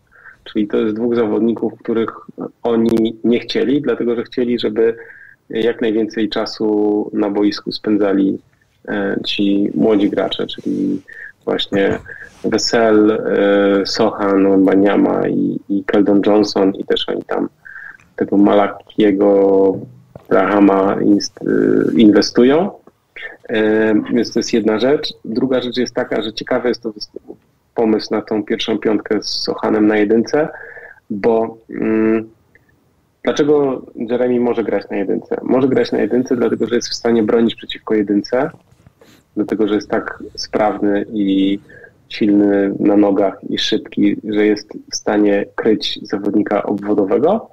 Natomiast w ataku może wykorzystać przewagę wzrostu. Nie muszą mieć takiego nazwanego, nazwijmy takiego kreatora, to znaczy typowej jedynki. E, a jeszcze do tego jest ciekawa rzecz, bo tam jest e, rozgrywający Trey, Trey Jones, który w każdej chwili może wejść e, po tych pięciu, nie wiem, pięciu, sześciu minutach, może wejść za każdego z zawodnika z pierwszej piątki. To znaczy on może i wtedy oni się przesuwają o jedną pozycję. To jest, moim zdaniem to jest bardzo dobre, fajne, ciekawe rozwiązanie, trochę nietypowe jak na NBA, chociaż gdzieś tam Toronto Raptors też próbują tak grać e, bardziej takim, nazwijmy to, wyrównanym składem, jeśli chodzi o wzrost. Moim zdaniem jak najbardziej ma to potencjał do tego, żeby, e, żeby wypalić. Devin Wessel to też jest zawodnik, który teraz podpisał nowy kontrakt i oni, bo on miał, on miał problemy z kontuzjami tam w poprzednich latach, natomiast to jest chłopak, który ma też ogromny potencjał i Spurs to widzą. E, ciekawostka może być taka, jeśli ktoś ogląda dużo Spurs, to moim zdaniem Keldon Johnson będzie gdzieś takim zawodnikiem, który przez te ostatnie kilka lat był trochę tak lansowany na lidera, a teraz trochę może być tak, to są moje osobiste oczywiście gdzieś tam spostrzeżenia i odczucia, że może być troszeczkę tak gdzieś na ten drugi, drugi tor e, gdzieś tak troszeczkę odsuwany, że nie wiem, czy trzech zawodników najważniejszych w tej drużynie to nie będzie właśnie Wesel, Sohan i oczywiście Wembaniama, a Keldon Johnson troszkę gdzieś tak dalej. Devin Vassell podpisał nowy kontrakt. 5 sezonów, 146 milionów. To też jakby na potwierdzenie tego, że mm, no, myślę, że jego tutaj możemy uznać za takiego lidera obok oczywiście Wembaniamy, który no, wyczynia rzeczy niesamowite Mówiliśmy, pamiętam, że jak pojawiał się Porzingis w lidze, to że to jest jednorożec. E, coraz więcej tych jednorożców takich unikatowych się pojawia. Mbaniama też jest jedyny w swoim rodzaju. To jest, to jest też ciekawe. To już w meczach przedsezonowych można było e, trochę zobaczyć tego, że on sobie poradzi w NBA, poradzi sobie e, nie tylko w lidze francuskiej.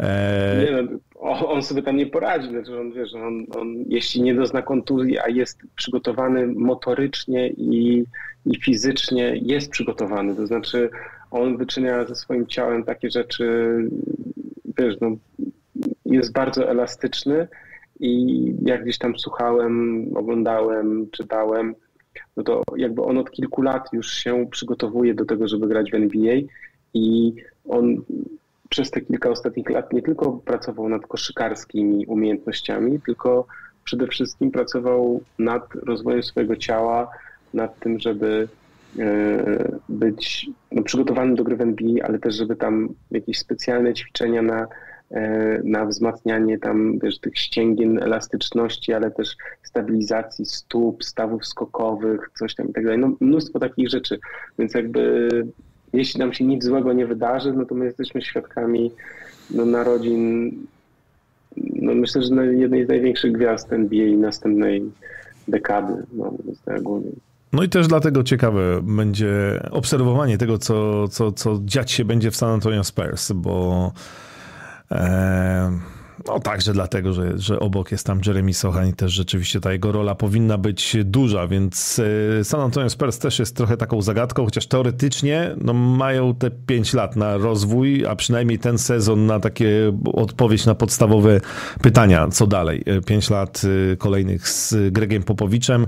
Na razie, tak jak mówiłeś, też ta polityka transferowa świadczy o tym, że oni chcą spróbować tymi ludźmi, którzy mają mm, zagrać ten sezon, zobaczyć, co da się z tego zbudować, ewentualnie mm, latem następnego roku mm, coś próbować zmieniać, zamieniać, wymieniać, kogoś oddać.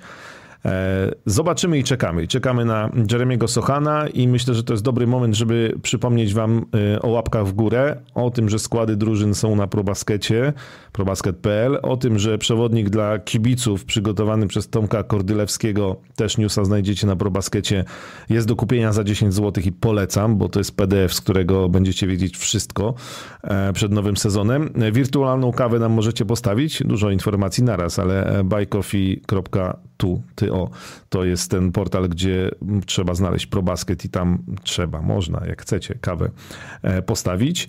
E, natomiast na ProBaskecie znajdziecie przez codziennie, przez cały sezon wyniki o 7, a w weekendy o 8 rano, więc jak ktoś zaśpi, to rano wstaje i wszystko, wszystko się od razu dowiaduje. Wyniki i też opisy meczów.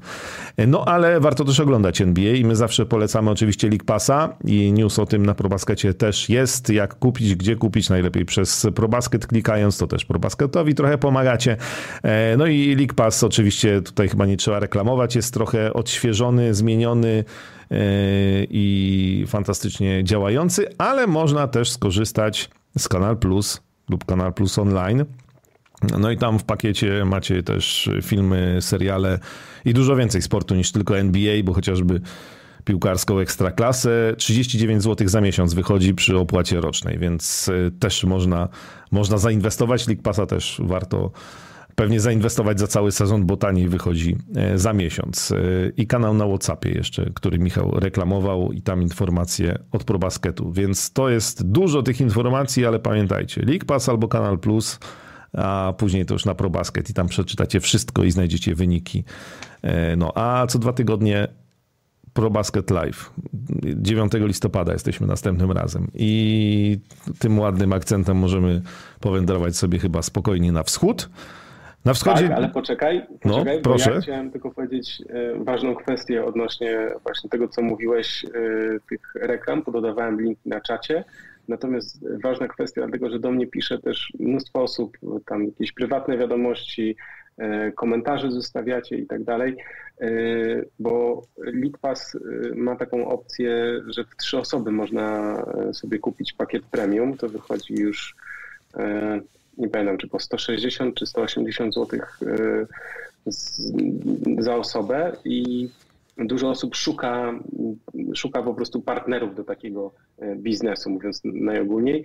Y, ja na grupie takiej dyskusyjnej na Facebooku założyłem taki, taki wątek, bo też właśnie mnie tam gdzieś parę osób o to pytało, więc zastanawiam się po prostu, jak to umożliwić, żeby to było, żeby to było fajne, żeby to było bezpieczne, żeby też nikt nikogo gdzieś właśnie nie oszukał, ale wrzucę może po prostu też link do, do tej grupy na grupa na Facebooku. E, pamiętajcie, że po prostu nie możemy zagwarantować, że ktoś kogoś tutaj nie wykorzysta, nie oszuka, ale mamy nadzieję, że no wszyscy, którzy nas tutaj oglądają i słuchają, to nikt by na taką rzecz nie wpadł i jak po prostu e, pozna kogoś przez internet i razem kupił League Passa, no to to jest jakby, e, że tam się wszystko odbędzie e, uczciwie. Dlatego tak tutaj podkreślam, zaznaczam, no bo to jest rzeczywiście bardzo duża zniżka, jak we trzy osoby się się kupi, mówiąc najogólniej. A odnośnie Kanal Plus, no to też rzeczywiście jak ktoś lubi i NBA i też te inne dyscypliny sportu i filmy i seriale, no to rzeczywiście 39 zł za miesiąc za taki dosyć obszerny, mocny pakiet, to, to też myślę, że, mm, że warto, żeby tą ofertę przejrzał. Tak jest. Dzisiaj w nocy Lakers, Nuggets i Suns Warriors. Oczywiście w tym meczu z udziałem Denver Nuggets wręczenie pierścieni. Tak zacznie się ten sezon. Natomiast my powiemy teraz jeszcze trochę o konferencji wschodniej. Na wschód nam zostało mniej czasu, ale też dlatego, że sporo mówiliśmy o Boston Celtics i Milwaukee Bucks e, w poprzednim odcinku i też tam odsyłamy dwa tygodnie temu do poprzedniego e, odcinka ProBasket Live podcastu. E, więc e, teraz to chyba tylko tak po jednym zdaniu przypomnimy, bo Boston post... A, w ogóle możemy planszę ze wschodem odpalić sobie naszymi typami, e, bo tak, Boston ja postawiłem na pierwszym miejscu, gdyż uważam, że to wreszcie musi wypalić. Od 2008 roku czekają na tytuł mistrzowski. Jasona Tatuma już wytypowałem na MVP tego sezonu, więc Boston się przebudował. Boston powiedział tu i teraz podejmujemy ryzyko i po kolejnych sezonach, gdzie ciągle byliśmy w czołówce, ale mistrzostwa nie zdobyliśmy, trzeba coś zrobić. Oddanie Żyru Holiday'a, e, mm, przepraszam, przyjście Drew Holiday'a, e, który jest lepszą wersją Smarta, można tak e, powiedzieć. Przyjście Kristapsa e, Porzingisa, który oczywiście tutaj pytanie pojawia się mm, trochę ironiczne co chwilę, kiedy połamie się Kristaps Porzingis. Liczę na to, że się nie połamie i że będzie wyglądał co najmniej dobrze. Natomiast sporo osób odeszło, właśnie Marcus Smart, Grant Williams, e, Robert Williams. To są straty, wydawać by się mogło bolesne.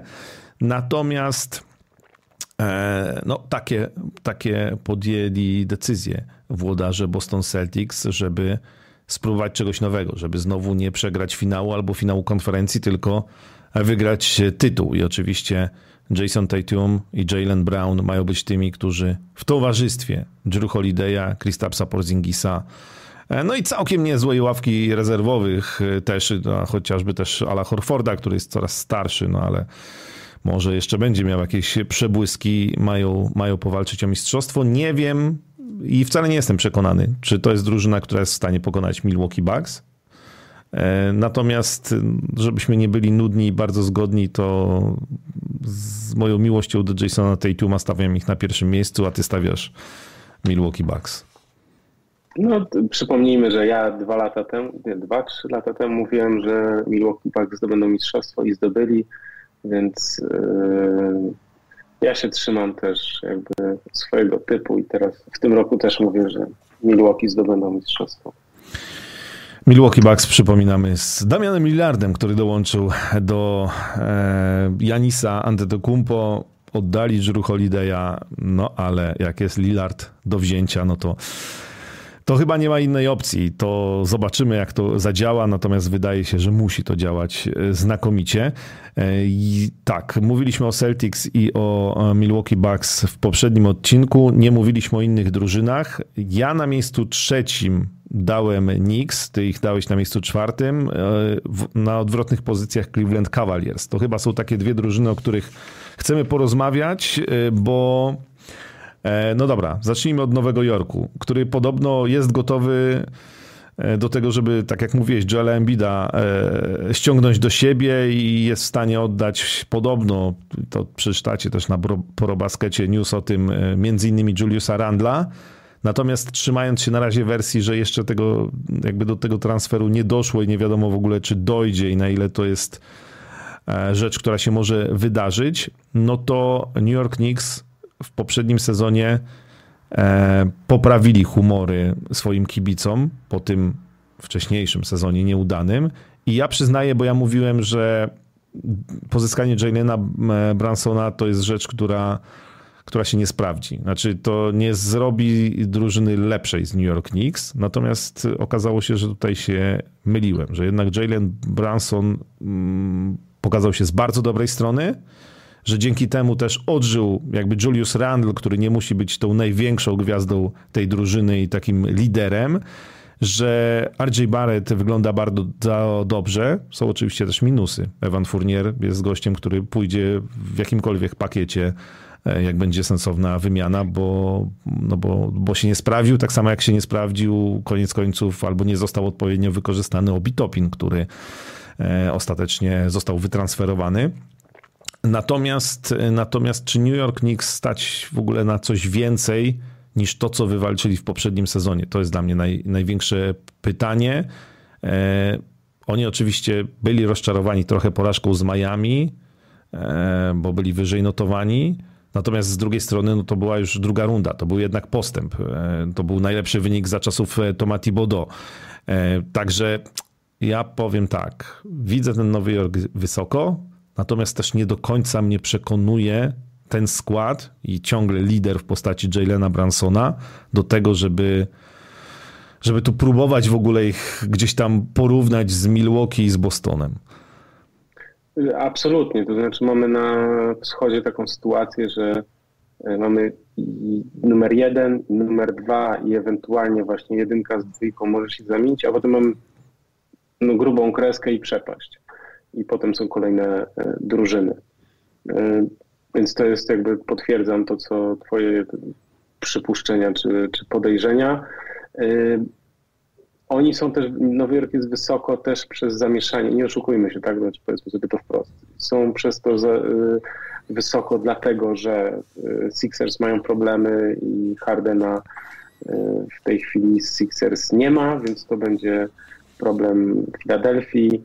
E, Miami Heat stracili też e, kilku ważnych graczy rotacji, więc też są słabsi i dlatego po prostu mogą na tym Nowojorczycy e, skorzystać. Ja też nie jestem pewien, czy Jalen Branson jest zawodnikiem, który jest w stanie poprowadzić drużynę, nie wiem, do finału NBA.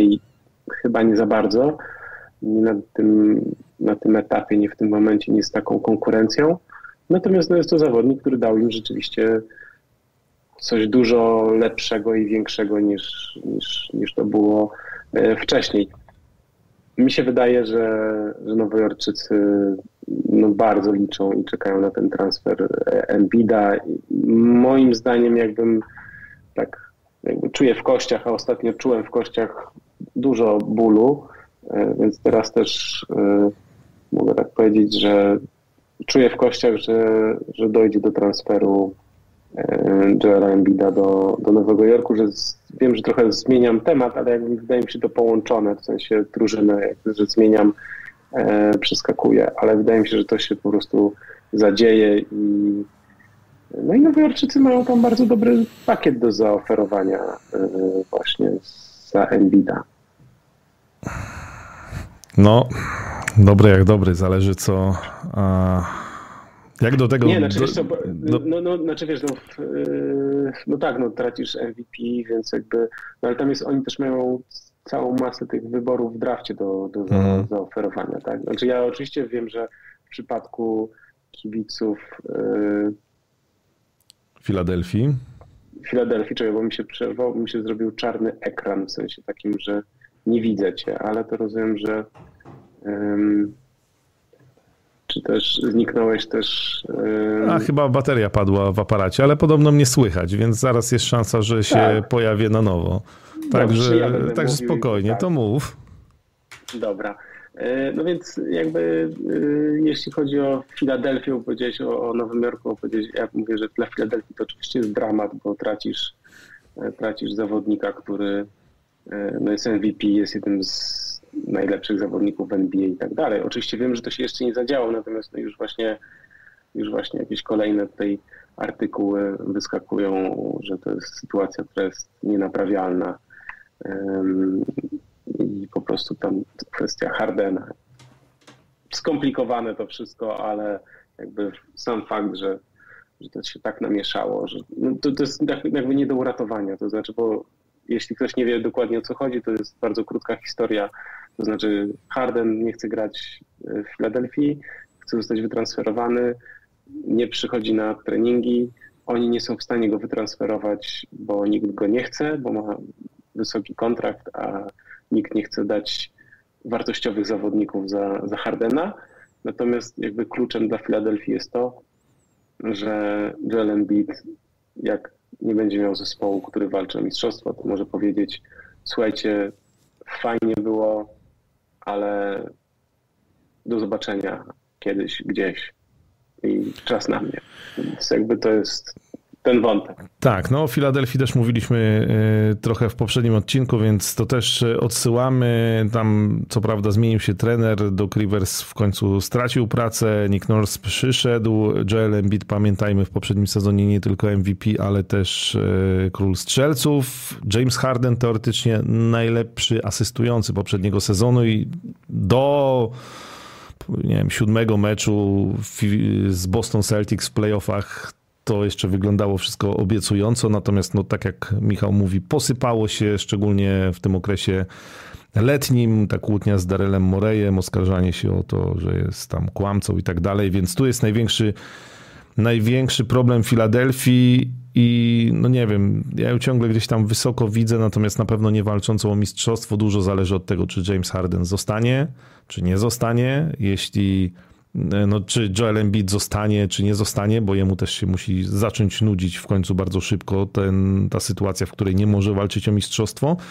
E, tam jeszcze to, no, to, to właściwie tak, no do, do, tego się, do, tego się, do tego się to sprowadza, bo mówienie w tej chwili o tym, jaki skład jest wokół Embida i Hardena, to trochę mija się z celem, więc tutaj jeszcze trochę, e, trochę czekamy. Natomiast o to Cleveland chciałem też zapytać, bo bo to też jest taka drużyna trochę jak New York Knicks, chociaż mam wrażenie, że z większą perspektywą rozwoju jednak patrząc na tych zawodników wciąż bardzo, bardzo młodych.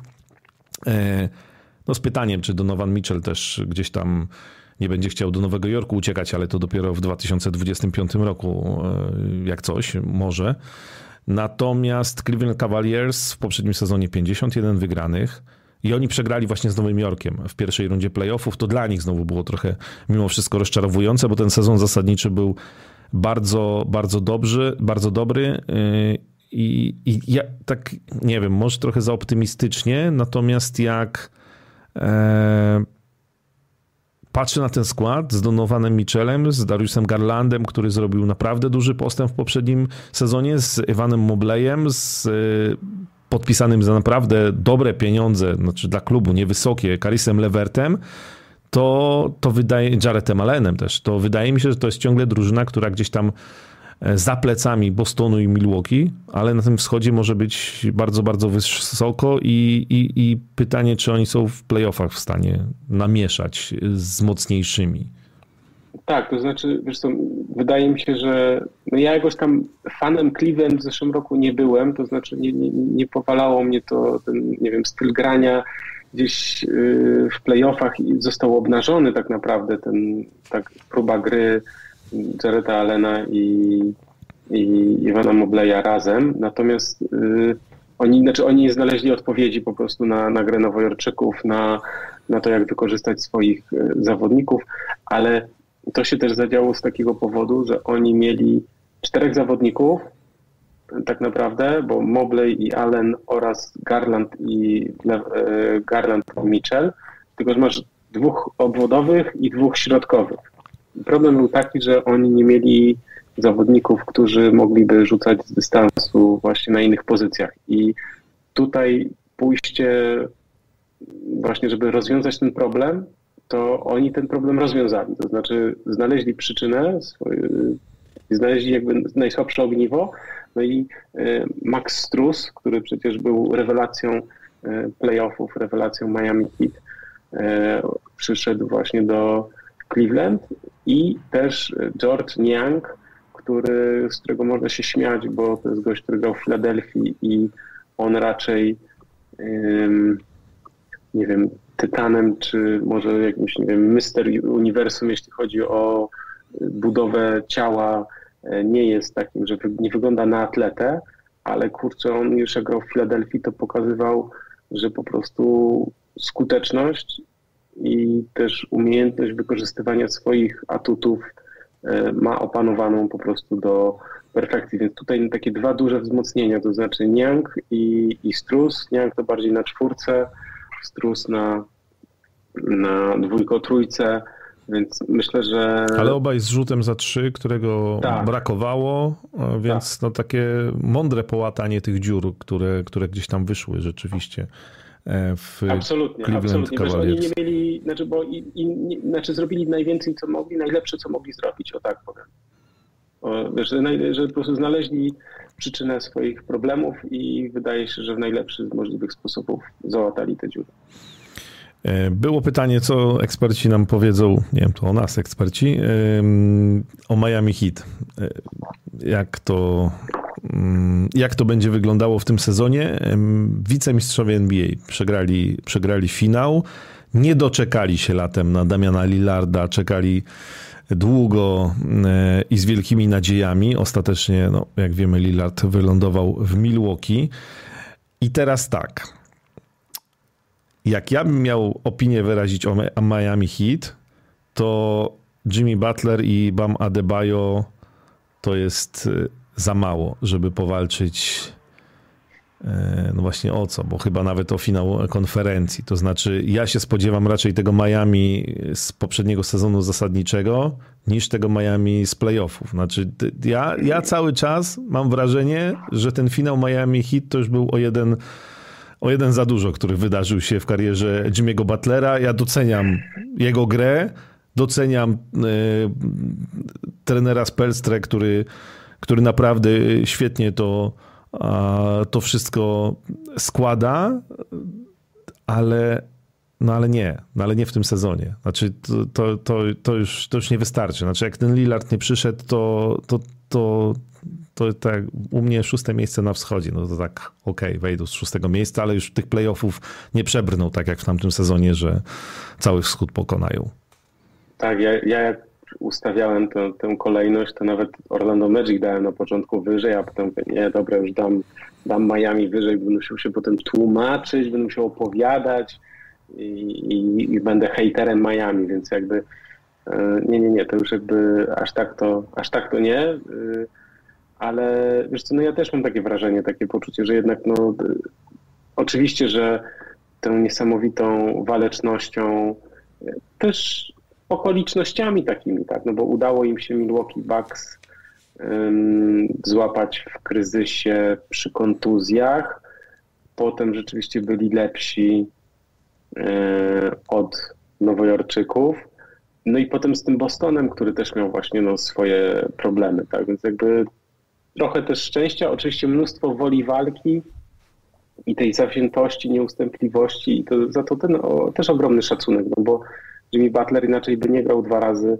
w finale NBA, gdyby właśnie tego serca ogromnego nie włożył. Natomiast no, dzisiaj, nawet jeśli e, Boston nie wypali, to, to Milwaukee im się postawią, a jak nie Milwaukee, to Boston, więc jakby nie widzę szans tutaj na powtórkę tego sukcesu absolutnie. No, szczególnie, że oni stracili e, no, zawodników, o których mówiliśmy przy okazji Cleveland, no Max Strus i przy okazji Lakers, czyli Gabe Vincent, czyli tacy dosyć ważni też e, zawodnicy w tej rotacji Miami Heat. No jest Tyler Hero, jest tak jak mówiliśmy, Butler, Adebayo, ale gdzieś tam Kevin Love, Kyle Lowry, który jest już naprawdę cieniem samego siebie, więc, więc tutaj mm, nie widzimy chyba zgodnie. Ja mam też wrażenie, że ja ich za wysoko dałem, trochę przez pryzmat tych playoffów ostatnich. No wiesz, trochę nie wypada, tak? No tak, mistrzowie tak, NBA, tak, mistrzowie tak. wschodu, trochę nie wypada i dać na, na ósmym czy coś, ale wiesz co, ale to też jest, to też warto podkreślić, że ja bym się spodziewał, bo pamiętajmy o tym, że Miami i Pat Riley to jest y, Miami drużyna, Pat Riley szef wszystkich szefów, e, że, on, że oni po prostu się szykują na coś dużego, tak? To znaczy pewnie się szykowali na Janisa, ale Janis y, nie będzie do wzięcia. E, natomiast no, to jest zespół, który zawsze co kilka lat właśnie się nastawia na to, że, że pozyska kogoś z tak zwanego wolnego rynku, no bo, no bo bo wszyscy chcą grać w Miami, bo to jest taka, to jest też dla mnie ciekawe, w ogóle to jest też na inny, za chwilę musimy kończyć, a to jest i tak jakby na inną historię, na inny wątek, inna historia, ale dlaczego w Miami chcą wszyscy grać, a w Orlando, które też jest na Florydzie, rozumiem, że nie jest nad morzem, nad oceanem, ale, ale też jest na Florydzie, że dlaczego wszyscy chcą grać w Miami, a nie chcą grać w Orlando na przykład, tylko to jest, to jest ciekawe, no, y, bo też chodzi o, bo myślę, że podatki też są, bo tam jest kwestia podatków też, dlatego... No ale teoretycznie tam powinny być takie same. Znaczy właśnie, ta, no podatki są takie same. Rozumiem, że sama kwestia miasta i też organizacji, tak? No bo rozumiem, że jest jednak organizacja, no w sensie hit, hit culture tak zwane, tak? Tak. tak, tak. No rozumiem. Grzegorz Zarabski się pyta, policjanci z Miami, kto pamiętam? Pamiętamy, my jesteśmy starzy, pamiętamy Dona Johnsona oczywiście, jego białe, Johnson, białe. Ferrari wspaniały to był serial i wspaniałe... Nauce, pamiętam, że jak byłem mały, to myślałem, że też kiedyś będę mieszkał na jachcie. No, z krokodylem, nie? Na tym. E, słuchaj, e, musimy tak, musimy przyspieszyć ten wschód niezmiernie. Atlanta Hawks to jest kolejna drużyna, w którą obok Miami Heat ja nie wierzę, w znaczeniu tam Queen Snyder buduje potężny atak e, w oparciu o DeJounte Mareya i Treya Younga. Pozbyli się Johna Collinsa i to dla nich akurat jest dobra informacja. Natomiast e, w Atlancie to ja mam ciągle jedno pytanie. Y, dotyczące Treya Younga. To jest najlepszy ich zawodnik w ataku, absolutnie gwiazda i najgorszy, zdecydowanie najgorszy zawodnik w obronie i jak go ukryć w obronie, no bo musisz go mieć na parkiecie, żeby zdobywał punkty, a w drugą stronę bronisz we czterech, bo on jest chorągiewką. Więc ja nie wierzę w Atlantę, nie wierzę w Treya Younga i tyle mam do powiedzenia na temat e, wspaniałego klubu ze stanu Georgia.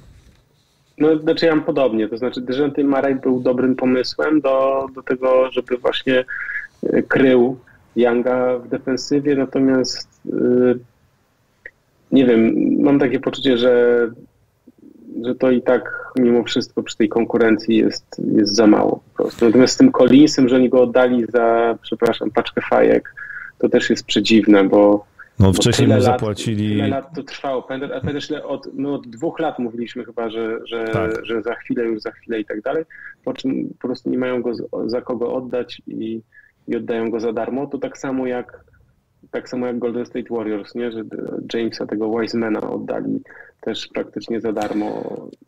No tam przy, draftu. Tak? Przynajmniej w Atlancie to, to niby taki case, że, że zaoszczędzili na tym jego ogromnym kontrakcie, który wcześniej e, mu zapłacili, no i dzięki temu też mieli pieniądze, żeby zaproponować Maryjowi kontrakt nowy na 4 lata na 120 milionów, więc no może, może tutaj nie, nie za jakieś konkretne nazwiska, natomiast gdzieś tam przesunięcia w budżecie, co nie zmienia faktu, że nie, Atlanta, Atlanta nie, za to Orlando Magic tak. Znaczy Orlando Magic to, to jest kolejna drużyna e, to watch, mnóstwo młodych, e, wspaniale efektownie grających zawodników. Oczywiście Paolo Banquero na czele, oczywiście Franz Wagner. E, Stan Van Gandhi trochę, trochę e, już tutaj ujawnię w tym Tomka Kordylewskiego skarbie kibica. E, mówi, że Orlando Magic mogą zakręcić się w playoffach, natomiast brakuje mu w składzie obwodowych. I to może być największy problem Orlando. Joe Ingles przychodzi jako weteran tam za niewielkie pieniądze. E, syn Joana Howarda z draftu. Więc generalnie w Orlando będzie, będzie wesoło i naprawdę na pewno się ich będzie fajnie oglądało. Potwierdzam. Franz Wagner to jest jeden z moich ulubionych zawodników obok oczywiście Jeremiego Sochana, ale też Josha Gidiego i Sheya Gilgiusa Aleksandra. To z, tych, z tego młodego pokolenia to Franz Wagner jest naprawdę przekozakiem. E, słuchajcie, e, bo tutaj są pytania o skarb kibica. Jest w PDF-ie, tu powtarzamy po raz chyba czwarty. Tomek Kordylewski przygotował i na probaskecie znajdziecie newsa, gdzie to znaleźć. 10 zł kosztuje. naprawdę jest mało za e, knigę, jak sobie wydrukujecie, możecie wydrukować w kolorze, polecam to, to jest wszystko o wszystkich drużynach w języku polskim. Jeszcze raz wleciał na czat link do tego, więc jest skarb kibica naprawdę bardzo, bardzo dobry. E, I w nim też między innymi Indiana Pacers, drużyna, która w tamtym sezonie Chyba mam wrażenie, że trochę sama się zaskoczyła tym, jak dobry może być Tyrese Halliburton, chociaż tu akurat ja powiem, że od początku, jak się ten gość w NBA pojawił, to mówiłem, że z niego będą ludzie.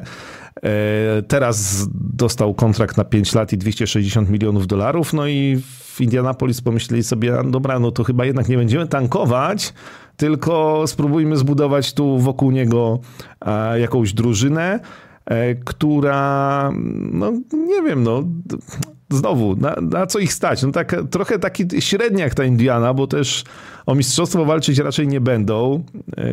Masz tego Haliburtona, który jest fenomenalnym kreatorem gry i myślę, że on jeszcze może robić e, postępy. Ja też jestem fanem tego zawodnika.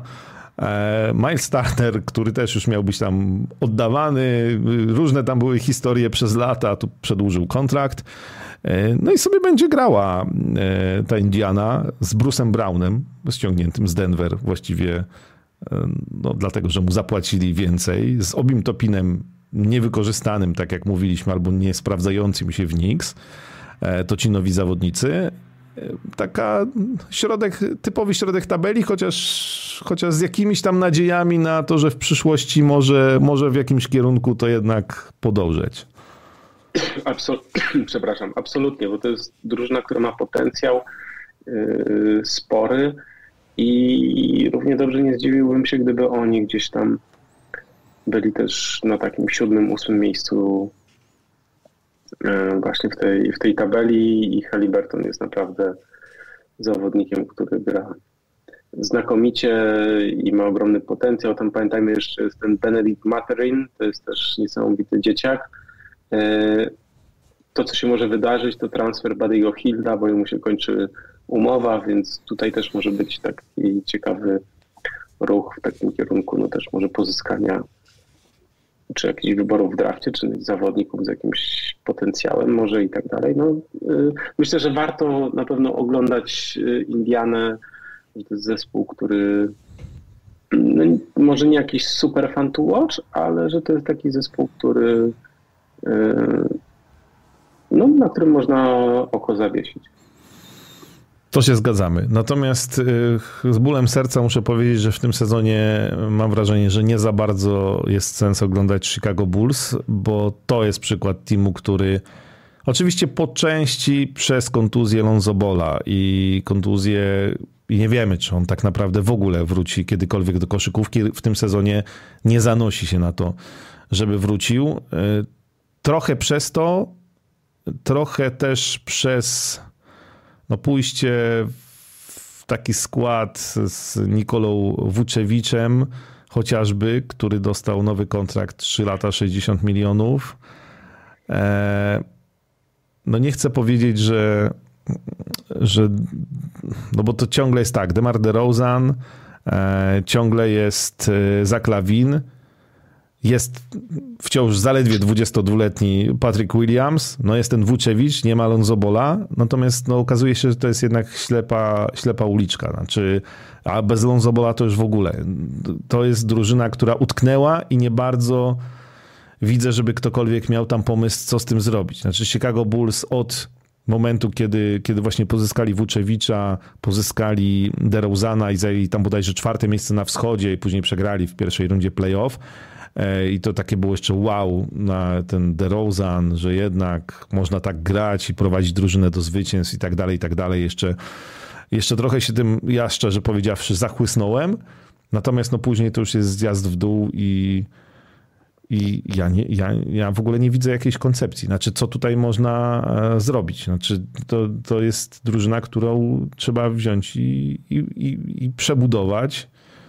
Zaorać zaorać, bo, bo z tego nic nie będzie. Znaczy, ja lubię bardzo Demara DeRozana, trochę mniej Zaka Lawina. Ja wierzę, że Patrick Williams może się jeszcze niesamowicie rozwinąć. Natomiast yy, cały ten skład, no to nie daje niczego, a w tym sezonie to mam wrażenie, że nie da nawet y, playoffów. No tak, no tu są, tu są też takie decyzje trudne do podjęcia, to znaczy, bo nawet taka inwestycja, pamiętasz w Alexa Caruso, przecież Alex Caruso objawienie sezonu tam w Los Angeles Lakers i potem poszedł po prostu za pieniędzmi, tak? No i w jednym sezonie zagrał 41 meczów, teraz zacząłem w kolejnym 67, tak? Czyli opuścił raz pół sezonu i raz prawie 20 meczów.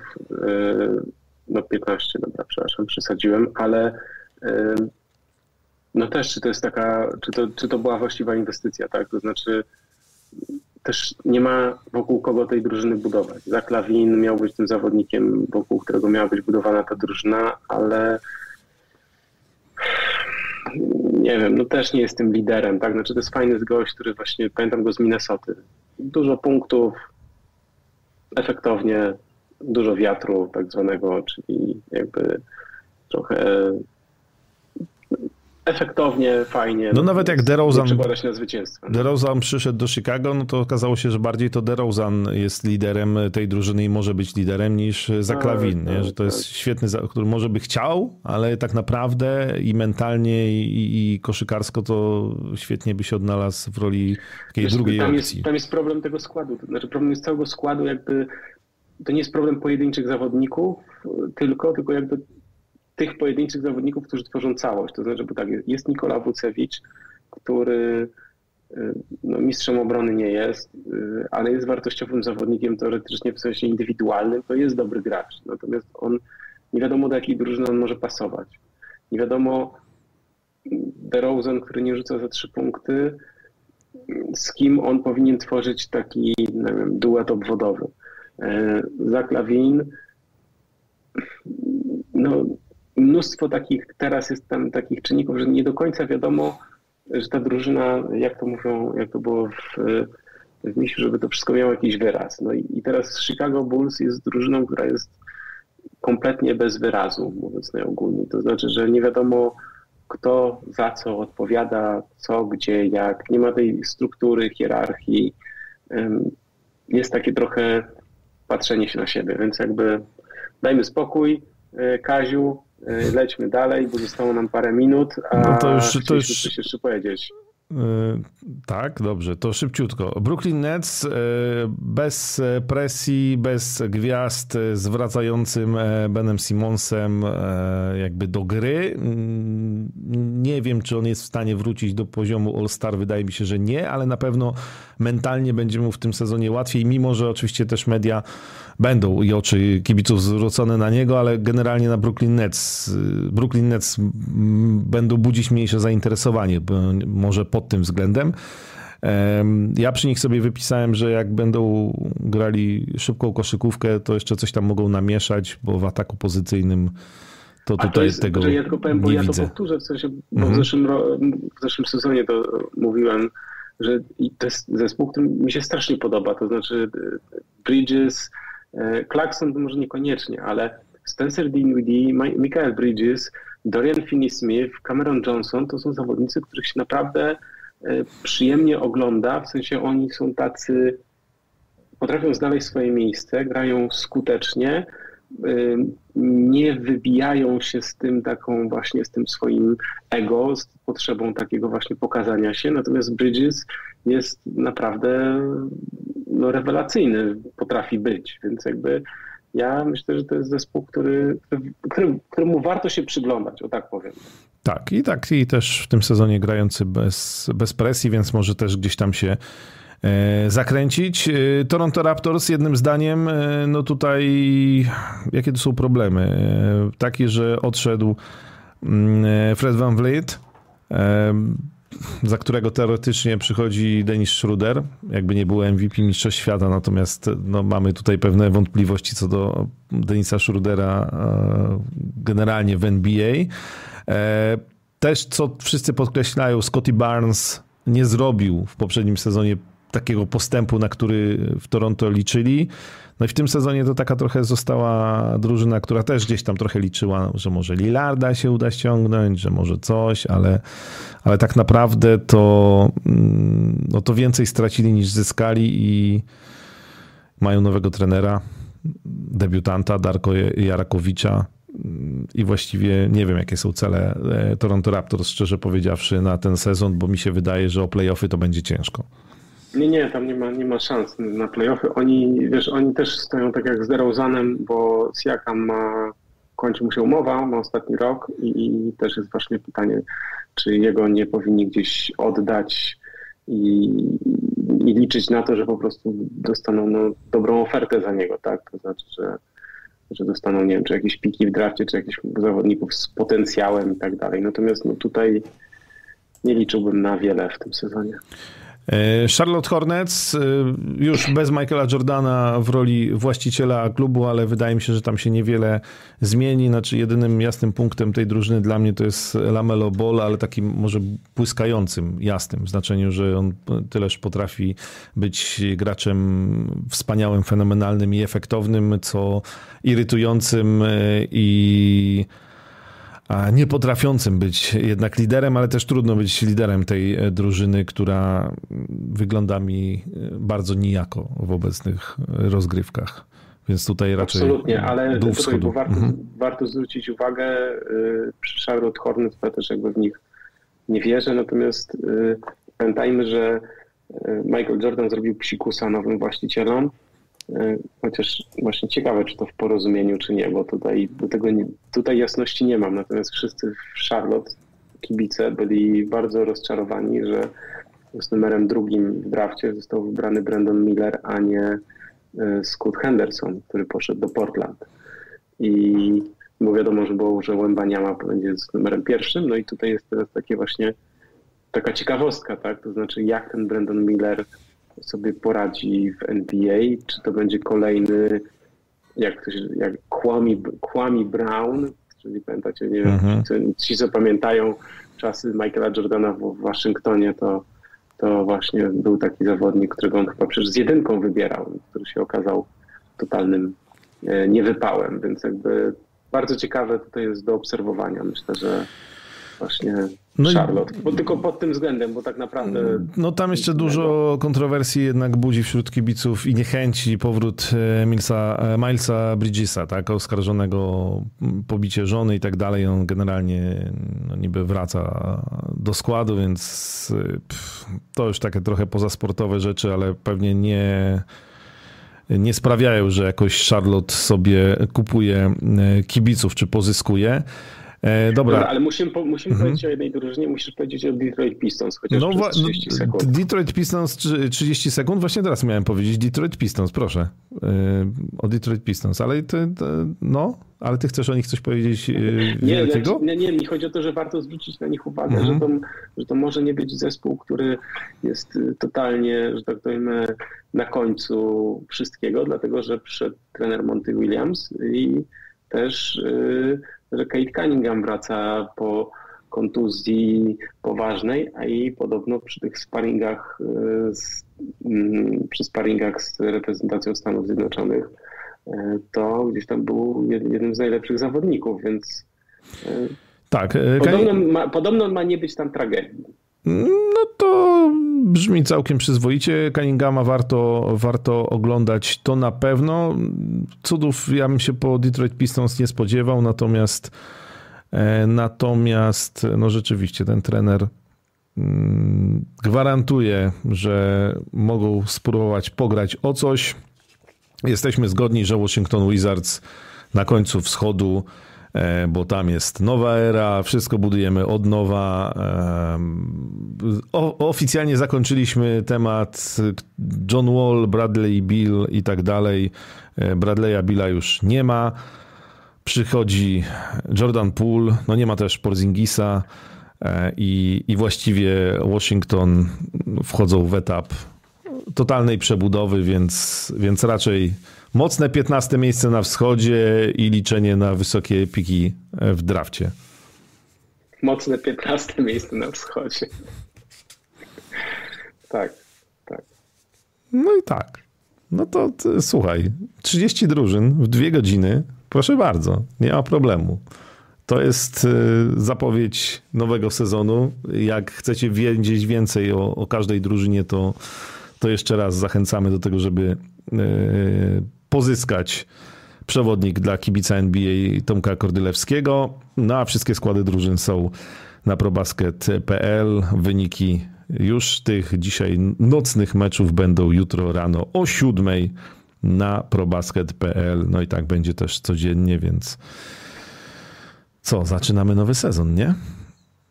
Zaczynamy nowy sezon. Przypominamy, żeby obserwować właśnie i probasket i żeby śledzić też te kwestię tych meczów, y, kiedy w weekendy będą mecze bez zarywania nocy, bo my w pewnym wieku to już tak nie można sobie tak zarywać nocek, tylko już trzeba tak bardziej po Bożemu.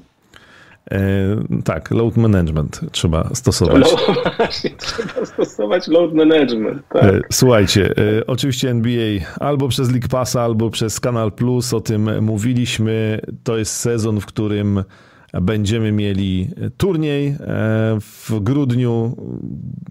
Na razie nie wiem, jak jeśli chodzi o prestiż, to będzie wyglądało, ale ale jest ta nowość. E, będzie... Dobra, może ostatnią rzecz, jaką musimy powiedzieć, tak. to jest typy, typy na dzisiejsze mecze, bo grają Denver Nuggets, Los Angeles Lakers i Golden State Warriors, Phoenix Suns.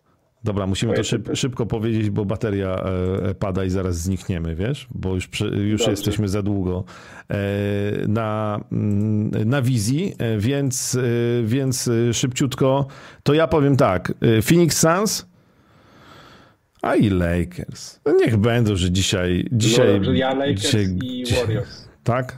Dobrze, ja stawiam tak. dzisiaj na gości, więc zobaczymy, jak to, jak to będzie. Na pewno będzie, będzie ciekawie i dzisiaj warto nie spać. E, następny e, ProBasket Live 9 listopada, wtedy się widzimy i słyszymy. Za dzisiaj bardzo dziękujemy. E, na YouTubie ten cały ProBasket Live się pojawi, będzie tam można pisać komentarze, jeszcze raz go sobie odtworzyć z rozdziałami odnośnie klubów, więc można sobie znaleźć jakieś fragmenty. Na Spotify'u też będziemy.